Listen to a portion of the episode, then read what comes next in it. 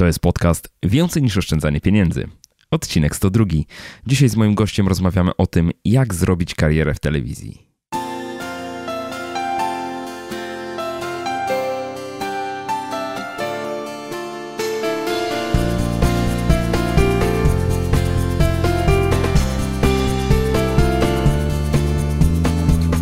Cześć dzień dobry. Witam Cię w kolejnym odcinku podcastu Więcej niż oszczędzanie pieniędzy.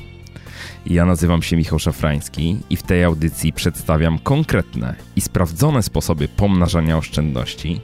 Opowiadam, jak rozsądnie wydawać pieniądze i jak odważnie realizować swoje pasje i marzenia. Jeśli tylko szukasz odrobiny stabilizacji finansowej i emocjonalnej w swoim życiu, to ten podcast jest dla Ciebie.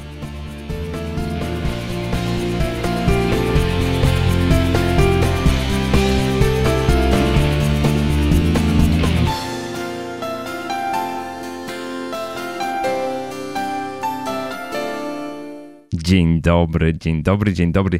Dzisiaj temat, który się może Wam wydawać nieco niszowy, bo moim gościem będzie Jarosław Kuźniar, dziennikarz telewizyjny, osoba, która jako jeden z nielicznych dziennikarzy bardzo dobrze radzi sobie w internecie i potrafi się komunikować dosyć bezpośrednio z osobami jego oglądającymi, zarówno z sympatykami, jak i tymi osobami, które go po prostu nie lubią. I z Jarkiem rozmawiam o tym, E, co jest potrzebne, żeby stać się osobowością telewizyjną i móc robić karierę w telewizji? Jakie kompetencje trzeba zdobyć? Jak e, można poprawiać swój warsztat? Gdzie można się tego wszystkiego nauczyć? Czy można być takim elokwentnym osobnikiem, jakim jest e, Jarek Kuźniar niewątpliwie? Mm, ale też rozmawiamy o tym, między innymi, jakie zagrożenia wiążą się z działalnością telewizyjną. Pytam też Jarka o to, jakie były kulisy jego przejścia z tradycyjnej telewizji, czyli z TVN-24 i TVN-u do internetu, do programu Onet Rano i to, czym tak naprawdę różni się robienie telewizji w obu tych mediach, w tradycyjnej telewizji i w internecie.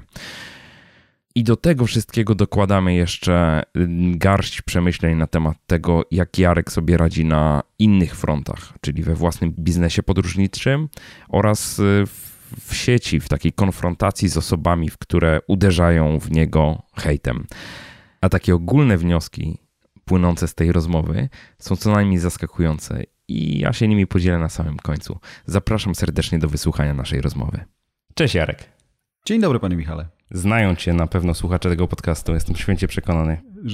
Ja mam pierwszy dubbing za sobą, więc wiesz, może rzeczywiście widzowie Karsów 3, no może tak. Poważnie? W Karsach no, trzecich wiesz, jesteś? to jest fajna zabawa? No. Super. A to, to pod koniec dobrze, cię podpytam, bo dobrze. to bardzo ciekawe. Ale tak tradycyjnie na początek przedstaw się proszę słuchaczom, tym, którzy cię jeszcze nie znają, powiedz kim jesteś i co kochani. robisz. Yy, nazywam się Jarek Kuźniar i pracuję sobie teraz aktualnie w Onet, czy raczej współpracuję z Onet, bo dzisiaj chyba to też tak się pozmieniało troszeczkę, że nie ma czegoś takiego, że masz etat, jesteś związany na życie. Od 15 roku życia coś robiłem w mediach, y, w radiu i dlatego jak widzę ten mikrofon przed sobą, to mi od razu milej w Radiu Sudety, w Radiu Wrocław, w programie trzecim, później w Radiu Z, no a później uznałem, że może czas dołożyć do mikrofonu jeszcze kamerę. No i tak się, tak się, tak się zaczęła przygoda. Skończyła po mniej więcej 10 latach, no i teraz właśnie przyszedł zupełnie inny czas, gdzie kamera, mikrofon są już tak, właściwie to są tak, tak, tak, tak oczywiste rzeczy. Powszechne. Powszechne, że właściwie jestem multiinstrumentalistą. No. no właśnie, bo jesteś takim gościem, który zaczynał, znaczy znany jest z telewizji co no, by nie mówić, tradycyjnej tak. telewizji, tak to mm. nazwijmy, bo w sumie teraz to telewizja, to się mówi już na te internetowe rzeczy. No wiesz, jak patrzysz na dane nie? ze Stanów, gdzie po raz pierwszy liczba subskrybentów y, Netflixa jest większa niż tych, którzy zapłacili za kablówkę, no to... Dokładnie. No. Fajne. Ciekawe. W ale... ciekawą stronę idzie ten świat i o tym właśnie chcę z tobą porozmawiać. Mm. Znaczy chcę porozmawiać właśnie o tym mm, z jednej strony dla takich osób, które myślą o karierze w mediach tych takich, gdzie twarz widać, nie? Mm. czyli telewizja, a z drugiej strony y, tych osób, które się zastanawiają, czy ta telewizja w ogóle ma jakąkolwiek przyszłość, znaczy w zestawieniu z tym, co się dzieje w internecie. Bo tak, mhm. ja, ja, dodam dla tych osób, które nie wiedzą. Ty jesteś taką osobą, która długo była związana z TVN-em, TVN24, później TVN-em, e, ale przeszedłeś rok temu równo mhm, do internetu, do tak. netu. Nie? Czyli można powiedzieć, gość, który zrobił karierę w telewizji, na własne życzenie porzuca to medium i przechodzi gdzieś do medium, no, które jest takie trochę inne. O tym też będziemy jeszcze mhm. rozmawiać, tak? Znaczy, no, generalnie lepi się, lepi się. Jeszcze jest, jeszcze jest nieukształtowane, nie? E, ale poza tym wiem, że ty też masz jakieś swoje mm, biznesy na boku, nie? Wiesz co, tak, biznesy na boku, ale to przez te biznesy, które rzeczywiście były równolegle prowadzone do telewizji, to się tak, a nie inaczej skończyło, bo jak, mhm. E, to był chyba X-Factor, jak ja w miesiącu zostało mi trochę więcej pieniędzy na, na koncie i mówię do mojego szefa, skoro puściłeś mnie tam, ja zarobiłem więcej pieniędzy, to ja bym chciał je gdzieś zainwestować, to ja sobie kupię licencję na prowadzenie biura podróży, czy mogę? Tak, mhm. kup sobie. A to jest coś, co musisz odnawiać co roku, żeby, żeby żyć. Nie możesz tego przerwać, bo są konsekwencje, później jest parę lat takiego zawieszenia, nie możesz mhm. prowadzić biznesu podróżniczego i tak dalej. Mm, I jak zrobiłem to raz, no to później drugi raz, trzeci raz i w tym roku minęło już piąty raz, kiedy rzeczywiście się z moim ubezpieczycielem dogadujemy i ja tą licencję mam i to biuro sobie gdzieś tam lepiłem. Trzy lata, tak wiesz, w garażu, za przeproszeniem, później postanowiłem powiedzieć o tym głośno. Jestem na... Po, no, cały czas myślę, że to jest cholera początek jeszcze takiego budowania świadomości, wiesz, marki i tego, że to, że można tam pójść, żeby dostać tą konkretną rzecz, jakąś emocję, jakąś mniejszą grupę, jakąś inną, inną, y, y, y, inną treść tej wyprawy niż obok. I to jest, no i przez to w którymś momencie mój szef mówi, słuchaj, a, a to był taki moment, kiedy w tej startupowej przestrzeni po namowie ludzi, którzy tam już sobie działali, mhm. poszedłem na casting i przekonałem szanowne jury, że, że, że może warto by było wyjąć od nich z, z kasy 100 tysięcy złotych i przeznaczyć je na taki projekt Go for Guide. I oni się zgodzili a, i poszedł newsletter z tego. I mój szef też ten newsletter dostał i mówi, co to jest? Ja mówię, no rozwijam się, pozwoliłeś, to się rozwijam i też jestem zaskoczony, bo właśnie się dowiedziałem, że też te pieniądze dostanę, więc pójdą na projekt. A nie, to albo ten projekt, albo my, nie? Albo ja, telewizja. To było TVN24 tak, jeszcze, TVN24, tak? Mhm. nie? I ja pomyślałem, pomyślałem sobie, że no już nawet nie, bo z perspektywy szefa, którym też jestem teraz, może to i jest y, normalne, ale z drugiej strony w ogóle takie postawienie sprawy wobec pracownika, który wiesz, dał tej firmie dużo lat y, porannego wstawania i zbudowania takiej przestrzeni y, i fajnej emocji z widzami, mhm to, to, to, to wydało mi się takie, to zabrzmiało jak zagrożenie, bo jak ja bym powiedział, dobra, to nie wiem, przepisuję, nie wiem, sprzedaję firmę, tak, będę w niej, y, nie wiem, czy nawet, czy mógłbym być udziałowcem, ale oddaję ją komuś mm, i, i wiąże się tylko z, mo, z moim szefem, to myślę, że on by tak mocno zacisnął taką smycz wokół, że ja już bym nie mógł nic zrobić. Już byś się nie uwolnił, nie? I teraz, kiedy robię różne rzeczy i wiem, że ja każdego dnia mogę właściwie coś nowego zacząć i nikt z moich szefów nie będzie miał pretensji, a wręcz podejdzie i powie, że może coś możemy możemy zrobić razem, to to jest, to jest fajne. Wydaje mi się, że tak, tak współcześnie też powinna wyglądać relacja z pracownikami. Ja mam na przykład w Go Forward Danusię Ewolucji, która odpowiada za tą stronę tekstową strony mhm. Go Forward. Nie? I to jest na co dzień pisarka, y, copywriterka, wiesz, ona wydaje swoje książki, tysiąc różnych rzeczy robi i, współ, i, i, i pracuje u, u, mnie na prawie, na, na, na, prawie etat. I, I to tak musi wyglądać, nie? że dajesz swobodę jednak, bo wtedy masz po prostu, nie wiem, wierniejszego pracownika na pewno. On jest lepszy, on jest bardziej to zaangażowany. To jest ekspert, tak? Bo no, jeżeli on się tak. rozwija również poza pracą, hmm. w sensie taką pracą etatową, tak? No to wiadomo, że to jest osoba, która będzie specjalistą w swojej dziedzinie. No chcesz mieć specjalistów, no tak, nie? A tak, z drugiej tak. strony nie można ich do końca związać, no. On dzisiaj się to to, to, to, ja też mówię prawie etat, bo Danusia wystawia mi swój rachunek, ja jej płacę, ale, ale tak naprawdę to właśnie, że masz właśnie współpracowników, mhm. nie? Ty jesteś gościem, który, nie wiem, e, wpadnie do biura, e, wytyczy jakiś kierunek, później przypilnuje tego wszystkiego, ale nie, nie, nie, nie wiążesz ludzi, nie? I dlatego na przykład oni też nie mają pretensji, że jeżeli ja wysyłam maile, nie wiem, o czwartej nad ranem, to wcale mhm. nie znaczy, że oni mają to o czwartej odebrać i to zrobić, ale, ale sami z siebie czasem, wiesz, odpisują szybciej niż, by, niż bym ja tego żądał na przykład. Tak. Nie? Więc to jest fajne i to jest trudne, nie? takie budowanie, budowanie relacji i e, doprowadzanie do sytuacji, w której tak naprawdę nie, to, to ty możesz podziękować jakiemuś pracownikowi, a nie pracownik tobie. Nie? No właśnie i teraz, to teraz tak wracając do tego miejsca, w którym byłeś e, telewizja jest takim miejscem, które wymaga maksymalnego posłuszeństwa, tradycyjna telewizja? Czy... W jakimś sensie tak, chociaż to też zależy od ludzi, bo, bo dzisiaj y, szefowie tego nie przyznają, myślę wprost, ale to jest oparte na markach, nie? Masz mhm. markę TVN, ale masz markę, nie wiem, Prokop, masz markę... Tak, silne marki osobiste się wykształcają. Mołek i tak dalej, mhm. i tak mhm. dalej. I to jest taka symbioza, bo telewizji nie ma bez tych marek. Mhm. Ale jednocześnie mm, jednocześnie to jest taki hegemon, nie? mimo wszystko, no bo mm, patrząc po po, po, po, po tym rynku, który, choćby po rynku, który powstał po publicznej telewizji. Tak. Że mnóstwo ludzi stamtąd odeszło nagle i teraz tak, Piotrek Kraśko na przykład znalazł swoje miejsce, mhm. a Beata Tatla już nie. nie? Mhm. I to jest ten moment, w którym ja też cały czas w tyle głowy miałem coś takiego, żeby pilnować tego, żeby nie być, nie zostać na lodzie, mhm. bo wiesz, no tak jak mówimy, dzisiaj telewizja wygląda tak, za chwilę będzie wyglądała inaczej. Cały czas ten tort, z którego ona kroi jest ogromny, tak. ale też z każdym, znaczy szybciej niż jej wydaje, myślę, jest tak, że jednak jednak to, jest, to, to, się, to się bardzo zmienia. Też może będzie okazja o tym pogadać, ale o ile w telewizji ode mnie oczekiwano, żebym był dobrze merytorycznie przygotowany, mm, ogarniał to słowem przez 4 godziny każdego dnia, mhm to później już nikt nie oczekiwał ode mnie tego, żebym ja ten program jakoś sprzedawał. Na mhm. przykład, jak ja to robiłem w kanałach social, to na początku, nie wiem, z 5 lat temu to było, czy fanpage wstajesz wiesz, czy moja aktywność twitterowa była traktowana wrogo przez szefa. To znaczy on uważał, że ja tego nie powinienem robić. Czy to jest zagrożenie? Że to jest zagrożenie, bo tak naprawdę ja pokazuję jakieś rzeczy, które powinniśmy pokazywać w telewizji, a one nagle lądują u obcych, nie? I mm -hmm. Zuckerberg y, może jeszcze nie chce za to pieniędzy, ale kiedyś będzie chciał. No mm -hmm. i mhm. akurat tak jest, nie? Ale jednocześnie nie da się nie nie wspierać tego, co robisz tradycyjnie w tak. kanałach, które są nietradycyjne. No i to się jakoś po, po, przez te lata zmieniło, ale jednocześnie właśnie to pomogło chyba też zbudować taką przestrzeń, e, jakąś taką grupę fanów, którzy, jak im ja powiem, że słuchajcie, zostawiam monet rano i ruszam do Rumunii i przywiozę wam e, dokument z tej Rumunii, to oni usiądą wtedy, kiedy ja im powiem, słuchajcie, oglądamy i oni razem ze mną oglądają. Ja siedzę, oglądam razem z nimi, komentuję to sobie i, i ta widownia jest, więc to jest, to jest dzisiaj sztuka, myślę, dla każdego, kto idzie do mediów, mediów, że y, możemy to robić nawet tak, jak my tutaj robimy. Tak. Jeżeli my byśmy tutaj przez dwie godziny gadali, co widać w ogóle bardzo fajnie na fejsie, y, jak oglądasz, jak widać statystyki fejsowe live'ów, mhm. że w telewizji to masz taki wykres cały czas, tak. a tutaj przychodzi jakaś grupa, wczoraj na przykład Wrocław, nie? Jestem z prezydentem Dudkiewiczem.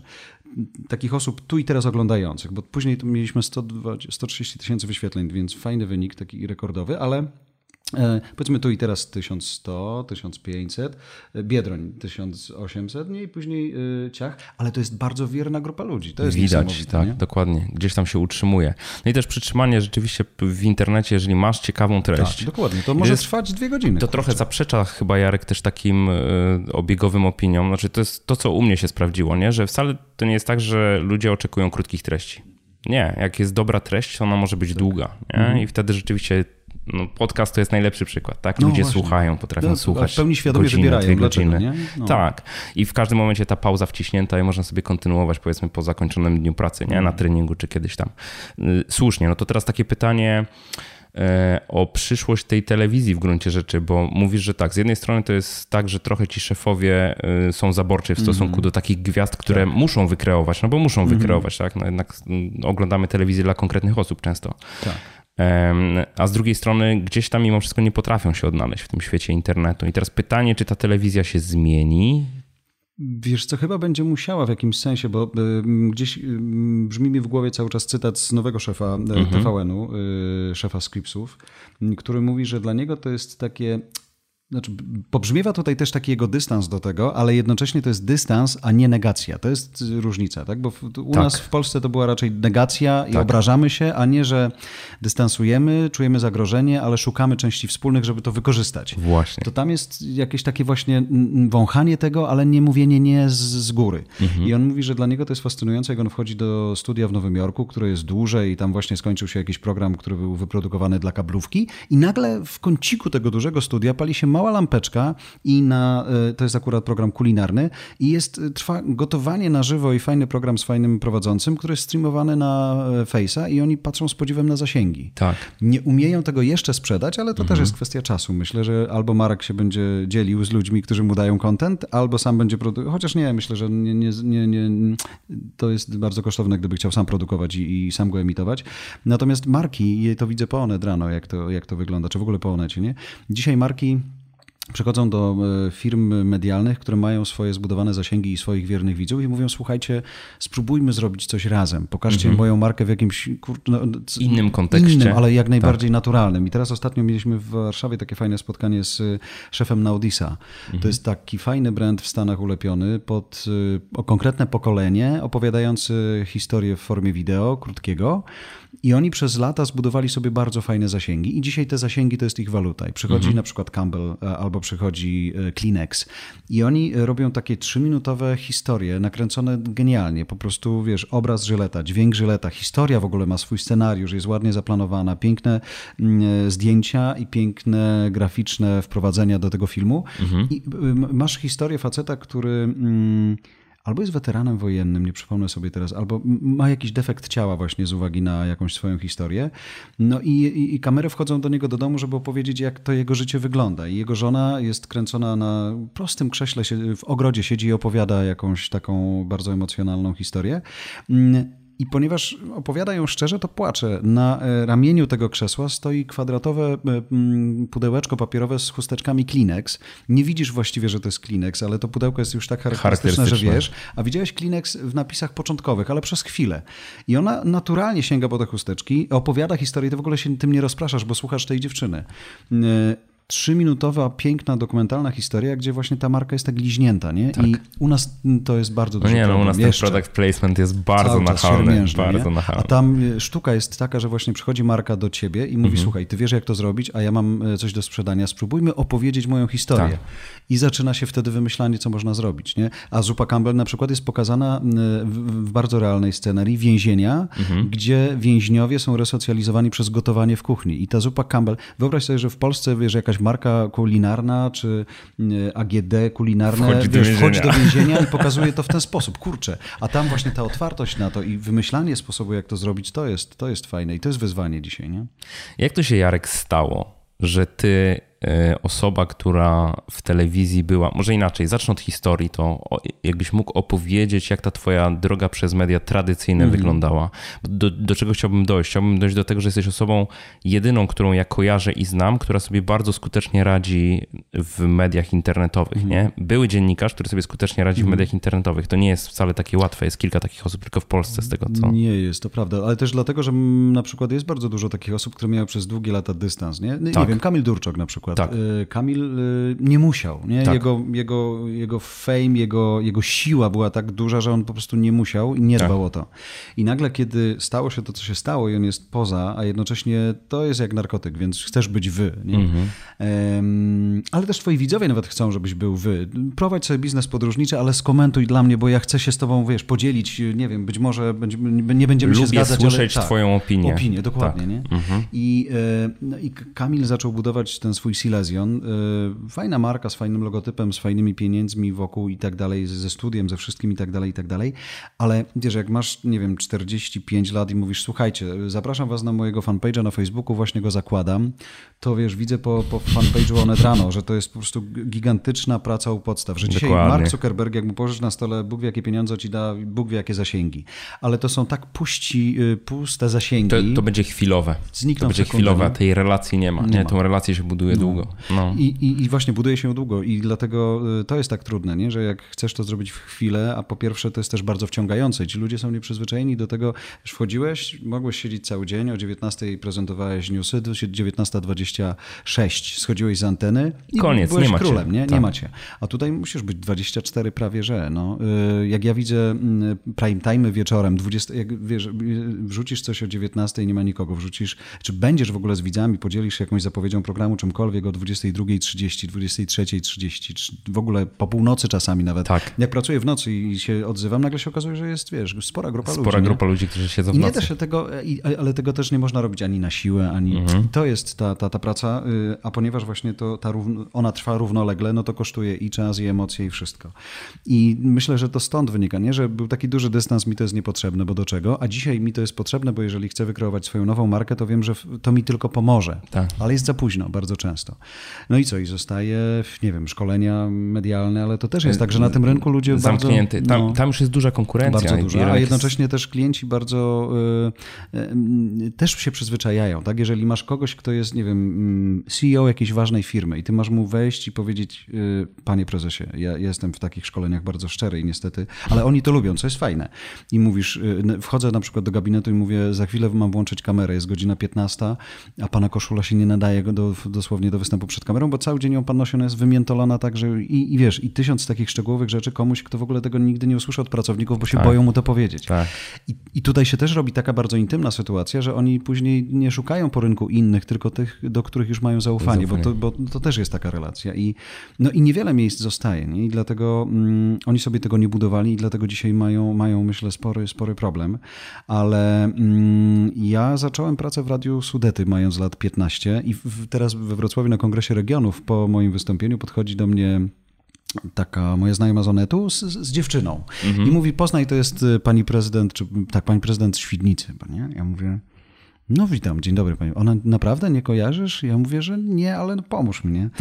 Wiesz co, no, no pracowaliśmy kiedyś razem i tak zaczynam szukać w głowie. Okazało się, że pracowaliśmy w Radiu Wrocław, ale to było studio y, y, Wałbrzych. Ja jeździłem do Wałbrzycha, żeby tam nadawać na taką lokalną antenę tylko dwugodzinny program w weekend. I tam gdzieś rzeczywiście mieliśmy okazję pracować 100 lat temu i ona mówi, ty byłeś gówniarzem 17 lat, to jest jakiś koszmar, nie? Ale no to mniej więcej tak działało i zacząłem wcześniej, jak patrzę teraz nawet kątem jak oka na twoją, Jarek? Patrzę na twoją konsoletę, e, tak, która tak, jest, wiesz, tak, taka Mikser i stoi. możemy wszystko -hmm. zrobić, a ja zacząłem w Radiu Sudety, które miało e, konsoletę taką, że żeby było stereo, to cztery suwaki i mhm. dopiero potencjometrem mogłeś się pobawić, z kaset puszczaliśmy muzykę i to założył to radio facet, który w Diorze pracował w, radio, w radiowęźle chyba, więc miał konsoletę, a e, miasto kupiło nadajnik wtedy, no i mhm. zrobili radio. Więc ja tam poszedłem pogadać o jakimś artykule, który napisałem. Czyli, czekaj, czekaj, czekaj. Czyli byłeś dziennikarzem, który pisał coś? Nawet nie, ja byłem no, uczniem, 15 e, lat, poszedłem uczniem. do liceum. Napisałeś jakiś tam artykuł? Tak, nie, artykuł o traktowaniu okay. pierwszoklasistów. Wymarzyłem sobie, że pojadę do Wrocławia, do Wyborczej, no bo wiesz, mm -hmm więc tam wszedłem lat 15 i mówię, że mam artykuł i może Państwo opublikują. Więc oni popatrzyli dziwnie, ale wiesz co, popatrzyli dziwnie, oczywiście nie opublikowali, ale miałem szansę wejść tam na praktyki w wakacje. Mm -hmm, Skorzystałem. Super. Natomiast wróciłem sobie do Dzierżoniowa i y, w klasie opowiedziałem o tym artykule koledze. On mówi, a mój brat pracuje w Radiu Sudety, właśnie ruszyło, to idź tam.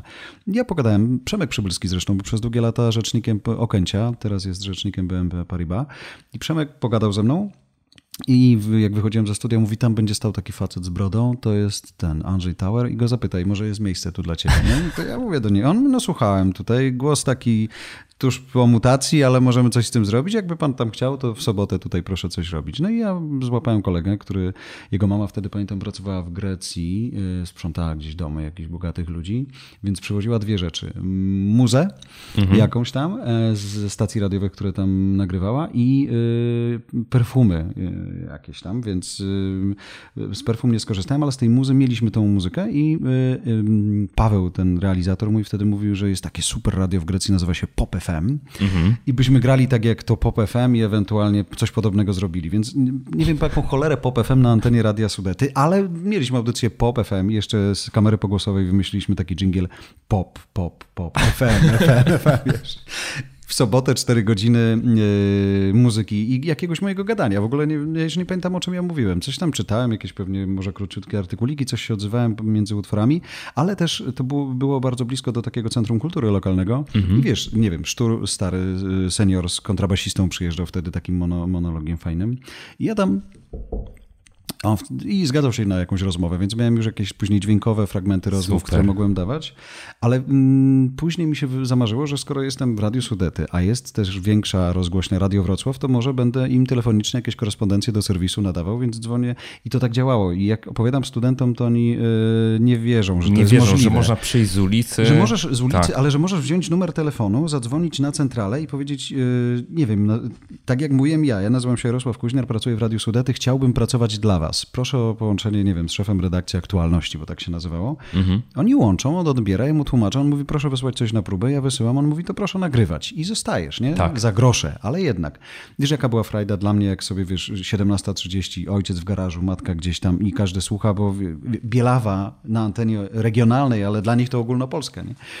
I ja się przedstawiam i w ogóle powiedzenie hasło z Bielawy dla Polskiego Radia Wrocław Jarosław Kuźniar, wiesz. Dumni rodzice, cuda, nie? Dumni rodzice. Lat, no 16, 17, to jest fajne.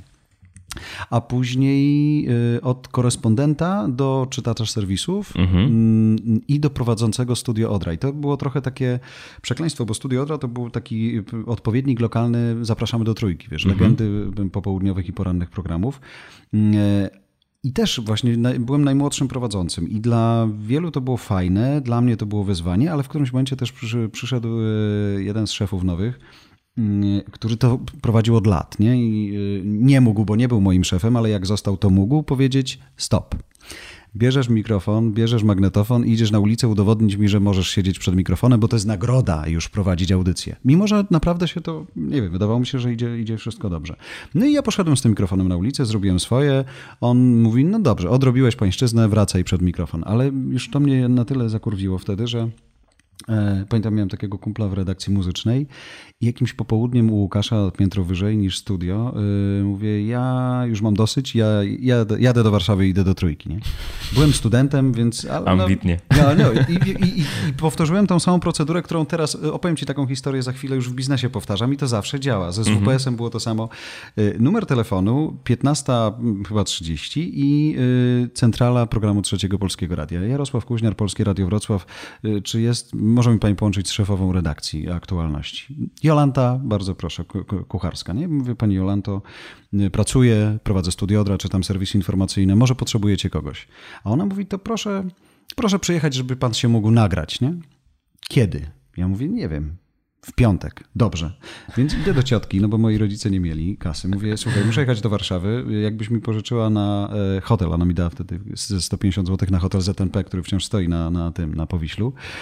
I ja w pociąg jadę do Warszawy, przyjechałem, e, wszedłem do studia, wiesz, tam no, starego jak świat, patrząc na, na to, jak to dzisiaj wygląda. Tak. Ale nagrywam to na taśmę szmulową, ona to zabiera i odsłuchuję z Wiktorem Legowiczem, i mówią, no to nawet nieźle brzmi, to może by pan, nie wiem, mamy w sobotę i w niedzielę na początek, nie, wieczorami.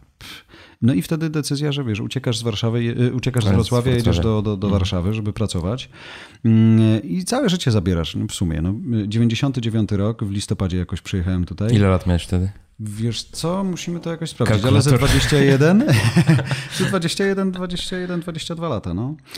I soboty. I to było to tyle fajne, że tak, gdzieś tam miałem pokoik najpierw u jakiejś znajomej ciotki, później u jakiegoś y, takiego, y, nie wiem, starszego, bardzo starego pana przy stacji metra, e, przy stacji kolejowej mm, vis-a-vis, kurczę, już to jest bardzo blisko stacji głównej, PKP główna w mhm, Warszawie. Nie mhm. centralna, ale główna. Mhm. I gdzieś tam w tym pokoiku sobie u niego żyłem, ale generalnie cały czas jak mogłem, to spędzałem w trójce. Nie? I najpierw właśnie czytałem wieczorem serwisy i to było fajne, że serwisy czytasz na ciszy, tak jak my sobie teraz to tak. gadamy. Żadnego bzękającego podkładu pod spodem nikt i, a słychać genialnie wtedy wszystkie błędy twoje, niedociągnięcia mm -hmm. i tak mhm. dalej. Za szybą realizatorki legendy, które wiesz, specjalnie wiedząc, że jest młodziak, to trzeba go docisnąć i tak dalej, więc nie było zmiłu, nie? Było mm -hmm. tak, że u, u, taka jedna mnie nienawidziła strasznie, najstarsza. Barbara Guszczak, taka legenda w ogóle i nienawidziła mnie do końca, ale miała taką fajną następczynię e, i, i ona mnie tak, wiesz, wyciągała, nie? I było coś, czego dzisiaj już nie ma w mediach w ogóle. Że nie wpadasz, robisz, wypadasz i nawet nie masz feedbacku żadnego od nikogo. Tak. Chyba, że sam sobie posłuchasz i, i będziesz wiedział. To też jest... No ale to trzeba krytycznie słuchać, to no, nie jest takie łatwe wcale. I krytycznie, ale też mieć... Ja miałem w radiu Z takiego szefa, który mówił do mnie, czemu ty się analizujesz tym swoim głosem? Czego ty tego słuchasz? Ja mówię, Marcin, bo jak ja tego posłucham teraz, po serwisie, to ja na następny serwis poprawię, Już nie? poprawię. Bo wiem, że w dżinglu brakuje mi, nie wiem, dwóch sekund, żeby się zmieścić między tam sygnałem dźwiękowym, coś, wiesz, tysiąc rzeczy widzisz, słyszysz. Mhm. Ale tak to robiłem. W telewizji to samo. Z czterech godzin, y, dwie godziny oglądałem cztery godziny programu. I w ten sposób wiedziałem, że na przykład tu do kamery muszę nie siedzieć wprost, tylko trochę stanąć bokiem, że tutaj w ogóle nie ma sensu stawać, bo światła nie ma. Tak. Że e, powinienem się na przykład bardziej prostować, że wciągać brzuch, że marynarkę tak. I tak na bieżąco nikt ci o tym nie powie, bo, bo nie ma jak. Nie? Dokładnie. I wtedy w Trójce było tak fajnie, że wieczorami sobie, nie, nie wiem, czy Kedryński prowadził, czy Kaczkowski w niedzielę, czy Beksiński młody wtedy, wiesz, i wchodziłeś do tego, no, u Beksińskiego wszystko było ciemne, nie? Wchodziłeś do studia, mała lampka tylko się paliła na stole, druga w nocy, ostatni serwis informacyjny, on gra te swoje dziwne dźwięki, a ty wchodzisz, siadasz koło giganta i wiesz, i czytasz z takich kartek, jak masz tu przed sobą, serwis, nie? Na ciszy totalnej, z pełnym skupieniem. To, to, to są fajne rzeczy, ale też taka przestrzeń bardzo takie, uczyła tego, żeby, czego dzisiaj nie uczą, bo też czas przyspieszył, nie? Ale mm -hmm. że mhm. jak zbudujesz sobie fundament, to ty sobie możesz później dostawić w cholerę pięter, ile będziesz chciał, tak. nie? I w Radiu Z była, mieliśmy taką cudną um, Grażynę Matyszkiewicz, panią profesor z Warszawskiej Szkoły Teatralnej, która uczyła dykcji, ekspresji i tak dalej. Mm, I myśmy wprawdzie do niej wszyscy chodzili, y, żeby opowiadać jej o życiu i o różnych swoich problemach, bo ona była, bo tak była cudną osobą, ale gdzieś po drodze była szansa na, na nauczenie się dykcji, Warsztatu. E, emisji głosu, wszystkiego. I ona mi zawsze powtarzała, bo wiesz, był taki moment, jak ja przyszedłem z trójki, mm, że w Radiu Z usłyszałem od mojego szefa Roberta Kozyry, że wiesz, serwisy długie, w ogóle potrzebujemy twojej, e, twojej zdolności do rozmowy z gośćmi i tak dalej, i tak dalej, pewnej formy opowiadania czegoś, a nie czytania, to się przyda. No i to się przez pół roku mu podobało po pół roku zmienił zdanie, że serwis 6 minut za długi, wiesz, skracamy do trzech, nie, czy, nie gadaj, tylko czytaj. Do momentu na przykład 11 września, nie? Mhm. Nagle przydawało się wszystko to z trójki, co, co, co, czego tam się nauczyłem, że jak ktoś ci mówi, masz gadać 4 godziny, to ja sobie tak zaprogramuję głowę, że mogę gadać, nie? I, i w 24 TVN to się też bardzo przydawało później. Pożegnanie papieża też nagle, wiesz, program trwa ile, ile, ile tylko będziesz chciał i wtedy nagle się to gadanie przydawało. Natomiast y, ona mnie wtedy właśnie nauczyła tego, że jeżeli jestem dzisiaj w Radiu Z, no i mój szef mówi, ok, masz tam 100% możliwości takich, ale ja chcę twoje 10, bo moi słuchacze nie zauważą pozostałych, mhm. no to daj mu te 10%, ale musisz cały ale czas pilnować stół. całą nie? tą resztę, tak. I, I, inaczej się nie da. Dzisiaj właśnie mam takie poczucie, że wszyscy, wiesz, chcą w sekundę czytać fakty, w sekundę mhm. robić inne rzeczy, natomiast nie, y, nie chcą, nie mają czasu albo nie czują, że to jest potrzebne, mhm. żeby wylać fundament, nie? Mhm. A to jest jak z dobem. Inaczej się kurczę nie da. I to się później przydaje, dlatego jak. Y, y, a, a, a dzisiaj nawet, zobacz, dzisiaj y, przenikając światy, dzisiaj rano wsiadają do mnie goście z mm, stand-upu Polska. Mhm. Dwóch wariatów, którzy chcą zrobić tak, że wsiadają i nie odpowiadają na żadne pytanie, tylko grają w ogóle swój dziwny świat, nie? I jest ten moment, kiedy masz 25 minut na to, oni są totalnie wyizolowani, odgrywają swoją grę między sobą, a ty masz widzów, którzy niekoniecznie muszą to rozumieć, więc próbujesz połączyć to, ich zabawę z twoim twoją zabawą z widzami.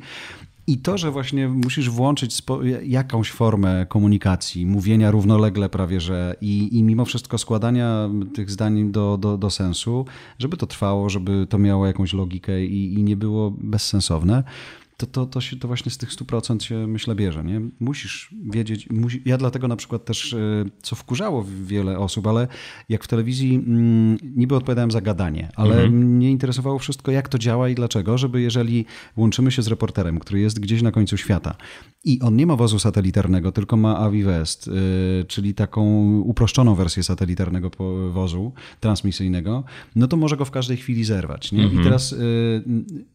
Yy, opóźnienie jest inne, na przykład dłuższe.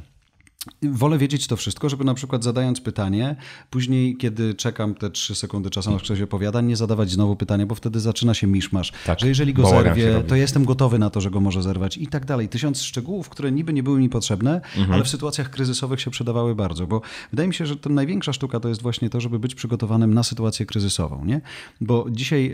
Yy, nie obrażając, ale myślę, że każdy, kto się ładnie ubierze i, umaluje, może usiąść przed kamerą, mieć prompter przed sobą i przeczytać nawet i 30 minut serwisu informacyjnego, napisanego przez siebie lub przez kogoś innego, bo to będzie tylko pilnowanie tempa naciskania pedału, który prze, przesuwa tekst przed kamerą. Ale w momencie, kiedy, a dzisiaj tak jest, że co chwilę masz jakąś sytuację nadzwyczajną, prompter ci już się nie przyda, bo tam ci nikt nie zdąży nic wpisać. Przyda się tylko kamera i twój wzrok i twoja głowa, żeby mówić i opowiadać, opowiadać, opowiadać. I co najgorsze jest w takich sytuacjach, masz jednego newsika, który jest zawarty w jednym zdaniu. Na przykład wczoraj masz mm, eksplozja na stacji kolejowej w Brukseli. Jest wydanie specjalne. Twoi szefowie oczekują żółtych pasków, wydań tak, tysiąca tak, fajerwerków, tak, tak, a ty masz tylko to jedno zdanie. I wiesz, że twój program potrwa być może całą noc, nie? I szyj wokół tego jednego zdania czym? Chyba największym, tak pamiętam, że miałem program rano, kiedy doszło do trzęsienia ziemi w Japonii i gigantycznego mm -hmm. tsunami, po którym rozwaliło między innymi Fukushimę. Nie? Tak. I nagle jest tak, że masz y, coś czego do tej pory nie miałeś. Masz obrazek na żywo, na, e, na gigantyczną falę tsunami, która uderza w wybrzeże i niszczy wszystko.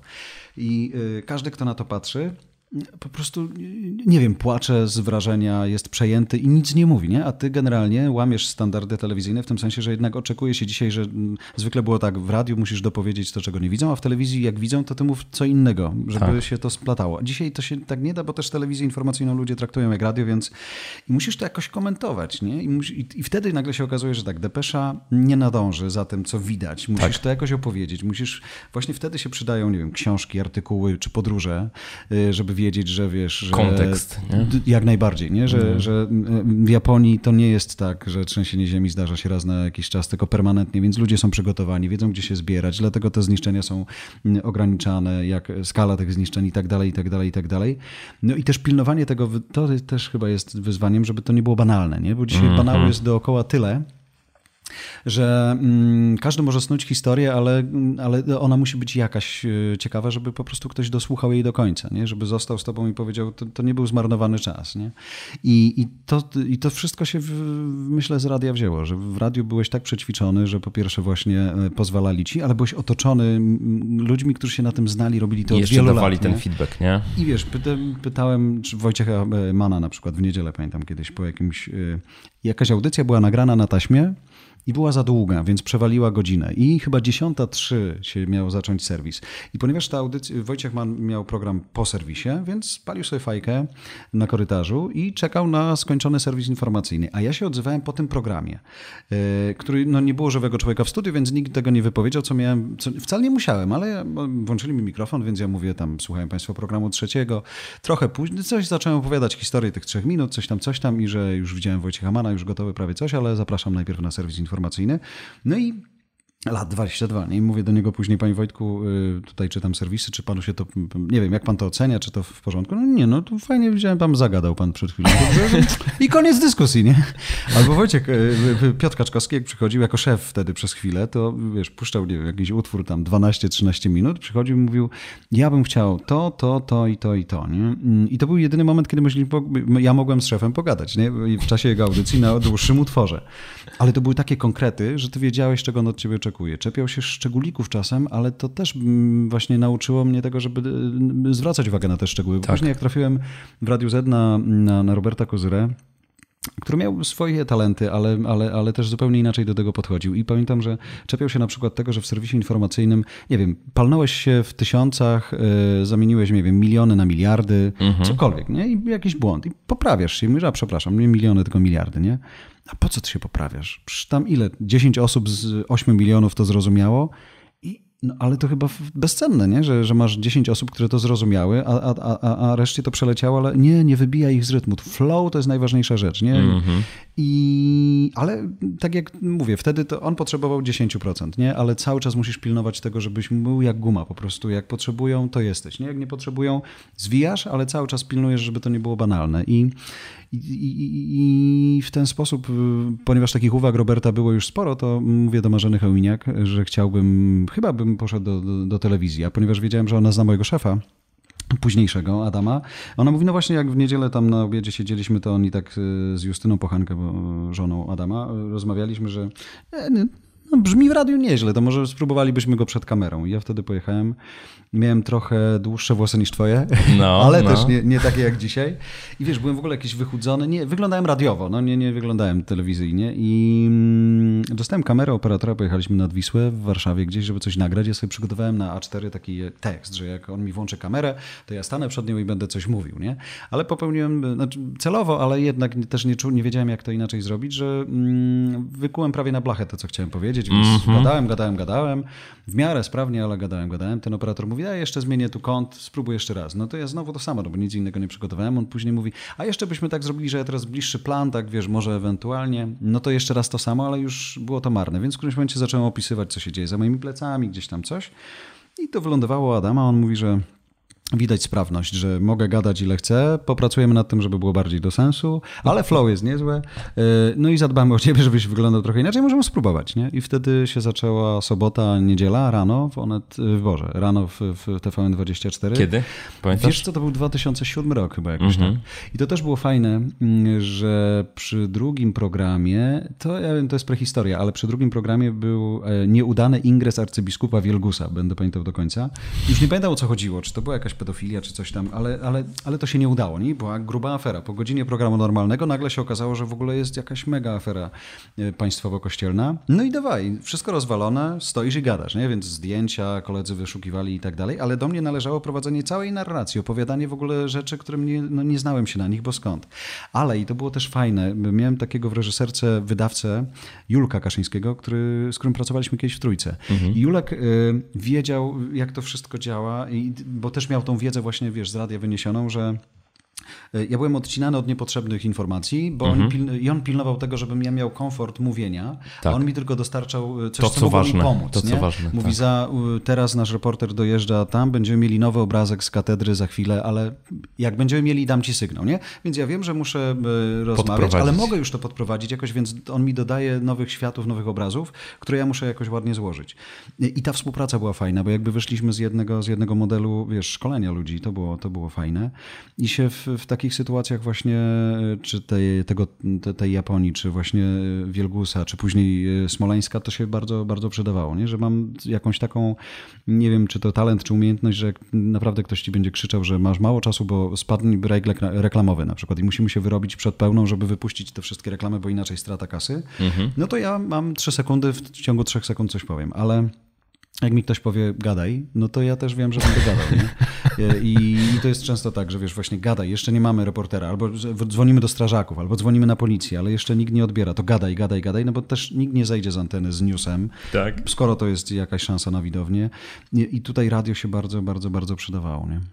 Co z tego, Jarek, co dała ci telewizja, radio, dzisiaj przydaje się najbardziej w internecie?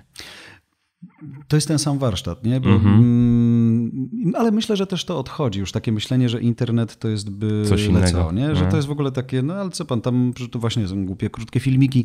Dzisiaj na przykład, ja wiem, że, ale to myślę, że to jest przykład, nie? Że często ludzie sobie traktują internet przez pryzmat głupich filmików e, i dla przykładu koledzy z TVN-u uruchomili nowy projekt, który nie, genialnie zapożyczyli nazwę od Now This, oni nazwali to Tu Teraz. E, I to jest wyszukiwanie w internecie głupich absurdalnych, wiralowych filmików i pokazywanie ich po polsku. Nie? I BuzzFeed zrobił kiedyś taką absurdalną rzecz. Y, postawił gdzieś nad wodą arbuza. Mhm E, i zakładali, live zrobili i zakładali na tego arbuza e, gumki recepturki, tak żeby ściskać go w połowie i chcieli udowodnić, że w którymś momencie ten arbuz się, eksploduje. Tak. No więc wiesz, masz widownię, która czeka na finał, arbuz eksploduje lub nie, i tych gumek i to trwa.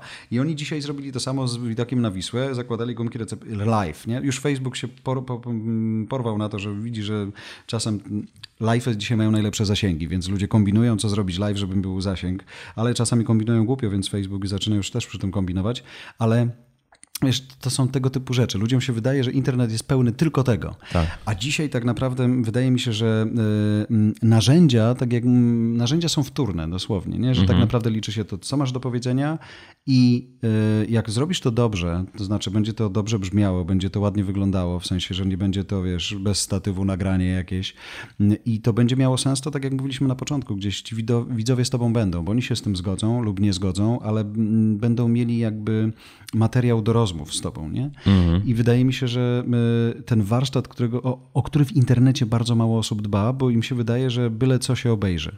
A natomiast y, mi to daje taką ogromną swobodę i takie poczucie bezpieczeństwa, że ponieważ umiem mówić, y, staram się wyrażać poprawnie po polsku, umiem oddychać y, i, i, i pracowałem przez lata nad dykcją, to wiem mniej więcej jak nad tym wszystkim zapanować, żeby to miało swoje ręce i nogi. I dla mnie, ja w ogóle nie myślę tym, że to jest w internecie, bo bym zgubił wygłupiał, wiesz. Tak, ja po tak, prostu tak. robię swoje. Swoją robotę. To ma być dla moich widzów ładne. A czy oni mnie zobaczą? Moja mama mówi do mnie, wiesz, właśnie wróci, wczoraj wróciła z Wrocławia, bo zajmowała się moją córką, jak ja pracowałem i mówi, no i będziemy oglądać teraz na Zoomie e, ciebie rano, bo Zoom TV pokazuje one rano najlepsze fragmenty, bo to jednak jest tak, wiesz, fajnie na dużym ekranie, nic mi tam nie rwie i tak dalej. Mimo, że to kobieta 60 plus i spokojnie śmiga po sieci już, ale jak sobie włączę to na duży ekran, to, to ma inaczej. I musisz, i, i zobacz, no, teoretycznie program treść, z internetu, ale tak treść. jak ty kiedyś wysłałeś, mhm. w, ja stałem na ulicy w Japonii ze statywem i z mikrofonem i gadałem sobie przez chyba 20 minut jakąś historię, a ty robisz print screena i mówisz, że oglądasz to sobie na Apple TV na pod numerem, nie wiem, 10, nie? Dokładnie. I, i, co, I nie mogę myśleć tym, że daję to na mały ekran do telefonu, gdzie ktoś sobie w tramwaju scrolluje, więc ja mogę gadać głupoty. Nie, bo ktoś to przełączy na duży ekran i będzie i widać będzie słyszał, każdy widać, detal. Wiesz, no, więc to, tak. to, to, o to chodzi, nie? że ja dzisiaj e, dbam o to, co jest za moimi plecami, żeby nie było głupoty w kadrze, mhm. żeby właśnie to był statyw, żeby, mhm. Mm, żeby dźwięk był lepszy, więc kupuję sobie mikrofon. Jak jest za ciemno, to próbuję to doświetlić. Tysiące takich szczególików, które są ważne, e, bo bez tego się nie, nie, nie da zrobić dzisiaj dobrej treści. Bo też widać nawet po, mm, po Oned rano, że jak mamy jakiś problem techniczny i na przykład puścimy ludziom sygnał 7.55, jesteśmy, mhm. zerwie, cokolwiek się wydarzy, puścimy go jeszcze raz, to wiesz, ta grupa ludzi, która mogła przejść, już poszła gdzie indziej. Tak. Więc albo ich złapiesz tu i teraz. sobie zajęcie. To, to są albo nie ma. Mhm. Ale to musi być od początku do końca, wiesz, po prostu mm, poprawne. No. Super. Powiedz Jarek, no to w takim razie, gdzie się tego warsztatu dzisiaj uczyć? Bo ty miałeś tą niesamowitą szansę, rzeczywiście przechodziłeś mm. przez ręce mistrzów, można powiedzieć, nie? Mhm. E, załóżmy, że mamy kogoś, kto chce próbować robić jakąś karierę w mediach, abstrahując mhm, od tego, czy jasne. to jest internet, czy TV, no ale chce to robić tak. w miarę profesjonalnie. To gdzie on może ten warsztat zdobywać? Uśmiecham się, bo ostatnio prowadziłem dla, dla jednej z firm taką fajną debatę gospodarczą i tam był jeden z pracowników tej firmy, mhm. ale facet, o którym słyszałem y, legendy, y, który mm, pracując w dziale y, kompletnie niezwiązanym z obsługą klienta, mhm. zbudował sobie mm, takie relacje z klientami tej firmy, że oni za, kupowali te produkty po prostu cały czas, bo on rozwiązywał ich problemy błyskawicznie, był zawsze dostępny, był serdeczny, otwarty, wchodził z nimi w normalną, normalną reakcję, ale dla nich to było coś nie, nie, niezwykłego. Mhm. I on sobie zbudował taką przestrzeń i oni go teraz przenieśli na zupełnie inną pozycję, żeby ta jego, ta jego, jego sposób bycia w tej firmie przenieść na innych pracowników, żeby oni wiedzieli, że tak naprawdę nic na siłę, ale jednocześnie można w ten sposób, nie wiem, skrócić właśnie kolejkę oczekujących na rozmowę w call center, bo inaczej załatwimy problem tak. i tak dalej, i tak dalej. I on był uczestnikiem tej debaty. To było jego pierwsze publiczne wystąpienie. Znaczy, -hmm. grupa mhm. szefowie, klienci siedzą, a on y, z ekspertami na scenie musi zabierać głos. Bardzo fajnie gadał, był bardzo naturalny i bardzo otwarty, ale po tej debacie mówi, że kurczę, strasznie się stresował, a przygotowywał się do niej, oglądając sobie na YouTubie podpowiedzi, jak występować publicznie. Nie? Ja się uśmiecham trochę, bo widziałem, jak Tomek Kamel y, nagrywał gdzieś w jakimś parku, na jakiejś dziwnej scenie obdartej podpowiedzi dla ludzi, ale to jest takie, to takie jest widowisko na chwilę. Nie? W ten sposób się tego nie nauczysz. Jak ja dzisiaj prowadzę szkolenia i, i próbuję ludzi przekonać do tego, że nawet jeżeli weźmiesz sobie ten swój telefon wieczorem po spotkaniu ze mną, postawisz postawisz go na wysokości swoich oczu na półce z książkami, odwrócisz kamerą do siebie, mhm. zadbasz o to, żeby była cisza, pozamykasz okna, drzwi, żeby ci nikt nie biegał i tak dalej, staniesz, nie wiem, założysz świeżą koszulę i zapalisz światło sobie i, i będziesz coś nagrywał do tego telefonu, nie do lustra, bo lustro ci już dzisiaj nic nie powie, to już nie ten moment, żebyś tak. patrzyłeś do lustra. Nagraj zobacz, wykasuj, nagraj, zobacz, wykasuj i tak dalej, i tak dalej, i tak dalej. To też jest jakaś forma treningu. Nie da się usiąść i mówić przed kamerą, jak tego wcześniej nie przepróbujesz. Jak się to tego się... nie zrobi. I a, a, tylko kiedyś, żeby cokolwiek zrobić wideo, to musiałeś, nie wiem, albo iść do telewizji wypożyczyć, mhm. a dzisiaj możesz sobie kupić po prostu, nie? I, i, I trenować, trenować, trenować. Y, jak okaże się, że wiesz, półka z książkami jest złym miejscem, ile? Za 300 zł możesz kupić fajny statyw, gdzie... 120. Na przykład, wiesz, Michał zawsze ma najlepsze ceny. Nie, ale możesz zainwestować w tak y, prosty sprzęt, który tak naprawdę doda profesjonalizmu temu, co robisz, nie? Ale to jest tylko nagrywanie, kasowanie, nie? Jak mhm. Y, my sobie przejdziemy, popatrzymy na to wszystko, wiesz, tu, tu, trzeba popracować y, z dykcją, tutaj z oddechem, tutaj z gestami i później to złożyć w całość, nie? Wiadomo, że nawet parugodzinne szkolenie w ciągu dnia nie, nie, nie zapewni ci sukcesu już, ale to trzeba robić robić, robić, robić, robić i jeszcze raz robić, nie? I podglądać sobie. Ja bardzo dużo, nie wiem, e, mm, bardzo dużo e, czy gestów, które się przydają, czy sposobu prowadzenia rozmowy, mhm. sposobu patrzenia w kamerę albo w ogóle bycia przed tą kamerą e, brałem sobie z podpatrywania Innych. tego, co się dzieje w Stanach, wiesz. Super. Masz czy Larry King przez 100 lat robiący w telewizji swoje, nie? czy później Mika Brzeziński i Joe Scarborough w MSNBC w Morning Joe, albo e, Anderson Cooper e, w 360 e, stopni w CNN, taki, mm -hmm. taki mhm. program, nie? I to, to, to jest fajne, podglądasz tych ludzi, wiesz, że w Stanach nawet jak mają opowiedzieć najgorszą tragedię, to jak wiedzą, że wchodzą po breaku reklamowym, żeby się przywitać z gośćmi czy widzami, to się uśmiechają, witają się z nimi, a później przechodzą do tego, co mają powiedzieć, ale cały czas to jest takie bardzo na to, i to z trójki jest, myślę, chyba najmocniej gdzieś mi w głowie zostało, że widzów szanujemy, choćby nie wiadomo, jak, jakie o nich krążyły opinie. I jesteśmy z nimi bardzo uczciwi, i, ale jednocześnie jesteśmy z nimi też bardzo przyjacielsko nastawieni. To znaczy mm -hmm. mówimy jak do przyjaciela, do kolegi, do dobrych znajomych. Mm -hmm. Z szacunkiem, ze szczerością, z otwartością. E, I to jest też inny sposób mówienia wtedy, bo jak ja na przykład y, się spotykam z ludźmi, którzy pracują w biznesie i nagle ktoś im mówi, słuchaj, teraz musisz wyjść na scenę i tam porwać tłumy, opowiedzieć naszą strategię, nie? I nagle ci ludzie kompletnie się w tym nie, nie odnajdują. Oni są sztywni, bo, tak, bo oni są bezosobowi. No ale wiesz, nigdy z tego założenia nie uczył, firma nie? zawsze każe no. być bezosobowo, znaczy jakby komunikować się bezosobowo, nie? To jest ale dzisiaj jednocześnie, model. wiesz, bezosobowo, ale wiesz, tak personalizacja następuje, więc oni wiedzą, że wiesz, to twoje imię i Takie nazwisko. Takie sztywne, nie? Z patykiem sztywne, w tyłku jeszcze. Ale jak tego nie zrobisz, znaczy jak nie poćwiczysz i oni stają i opowiadają to, co mają opowiedzieć tłumowi. To jest napisane, wykute na blachę, więc słowa, których w życiu w języku mówionym nie użyjesz, są. Tak. Bo one w pisanym są, ale tak. to kompletnie to nie tak zadziała. A później mówię, dobra, to wiesz co, zostawmy to, opowiedz mi o tym, co robiłaś w weekend. I nagle się okazuje, że ten facet, czy ta kobieta są genialnymi wspinaczami, albo eksplorują jaskinie, albo jeżdżą na rowerze po 100 km dziennie, albo w ogóle mają dziecko utalentowane i z nim razem malują obrazy i zaczynają opowiadać tak, że jak ja im to nagrywam, później pokazuję, oni mówią, a kurczę, ja mówię i teraz to samo spróbuj zrobić w ten sposób, nie? Wciąż jest problem. Ale to tak samo jak y, samorządowcom we Wrocławiu tłumaczyliśmy, że w kanałach social fajnie, że są, ale jeżeli chcą y, rozmawiać ze swoimi, nie wiem, czy turystami, czy mieszkańcami, to nie może być napisane, że y, ze smutkiem informujemy, że tam, nie wiem, prezydent odwołał spotkanie jakieś, tylko to musi być napisane w taki zupełnie inny sposób. Nie? I, I oni jeszcze wciąż nie potrafią tego przeskoczyć. Ale podglądanie, podsłuchiwanie i na pewno własny trening, to znaczy nagrywanie sobie, oglądanie i kasowanie, nie ma co chować tego nigdzie, ale to to jest coś takiego, co, co, co bardzo, bardzo pomaga. Nie? Super.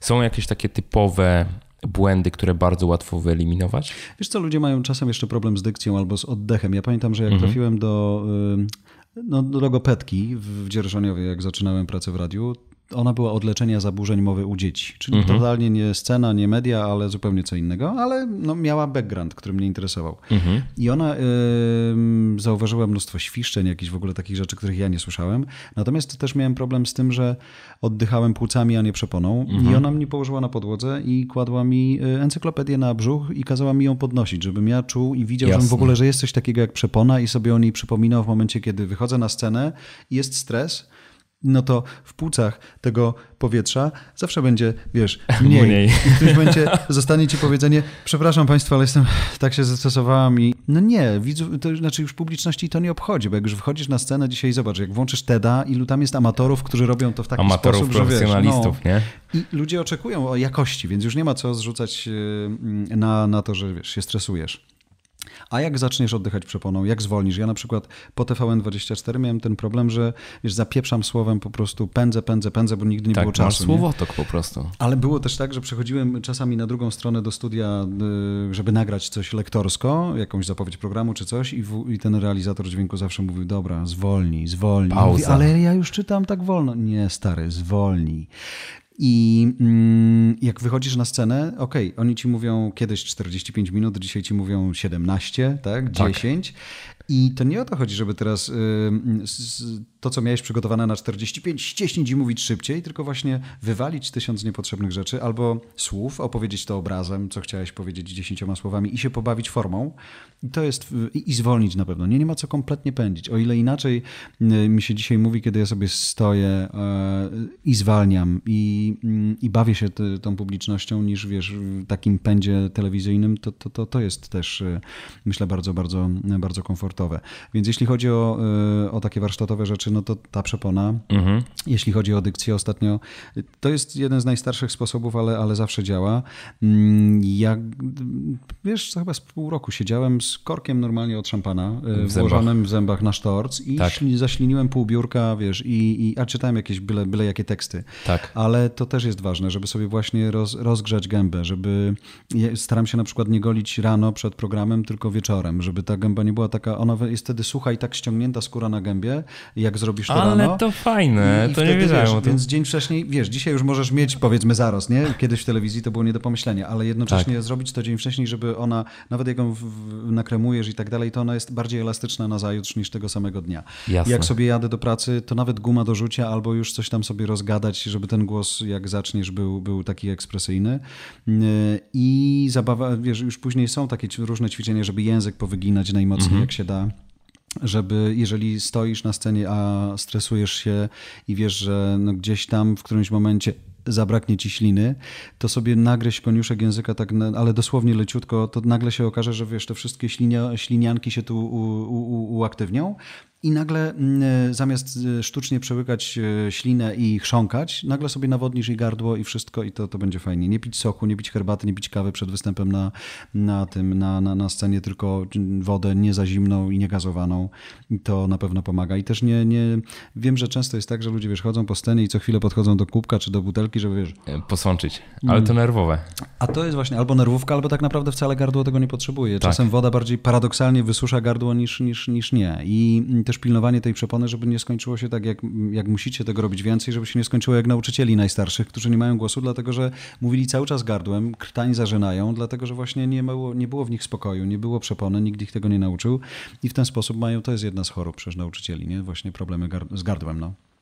Studia dziennikarskie, tak cię zapytam. Czy to jest coś, co jest niezbędne do pracy w mediach, czy raczej przeżytek? Wiesz co, to nie jest przeżytek, ale, ale jednocześnie uczelnie jeszcze nie wszystkie zdążyły z tym, żeby przygotować e, programy tak, bo na przykład na SWPS-ie e, i w ogóle, ale też widzę na przykład jest bardzo fajne, są studia na, mm, to jest produkcja telewizyjna, nie? Na przykład na mhm. UW. I to są fajne rzeczy, bo one są coraz bardziej szczegółowe. Uczelnie zapraszają już ekspertów do prowadzenia tych zajęć, więc to jest fajne, ale o ile na UW jest profesjonalne studio telewizyjne i tam jakieś warsztaty robiłem kiedyś, tak na, na SWPS-ie próbowano zbudować studio, ale mam wrażenie, że tam zabrakło konsultacji i ja sam zabieram sprzęt i w ogóle nagrywam dzieciaki, wiesz, mhm. dzieciaki y, po swojemu. Studentów. No.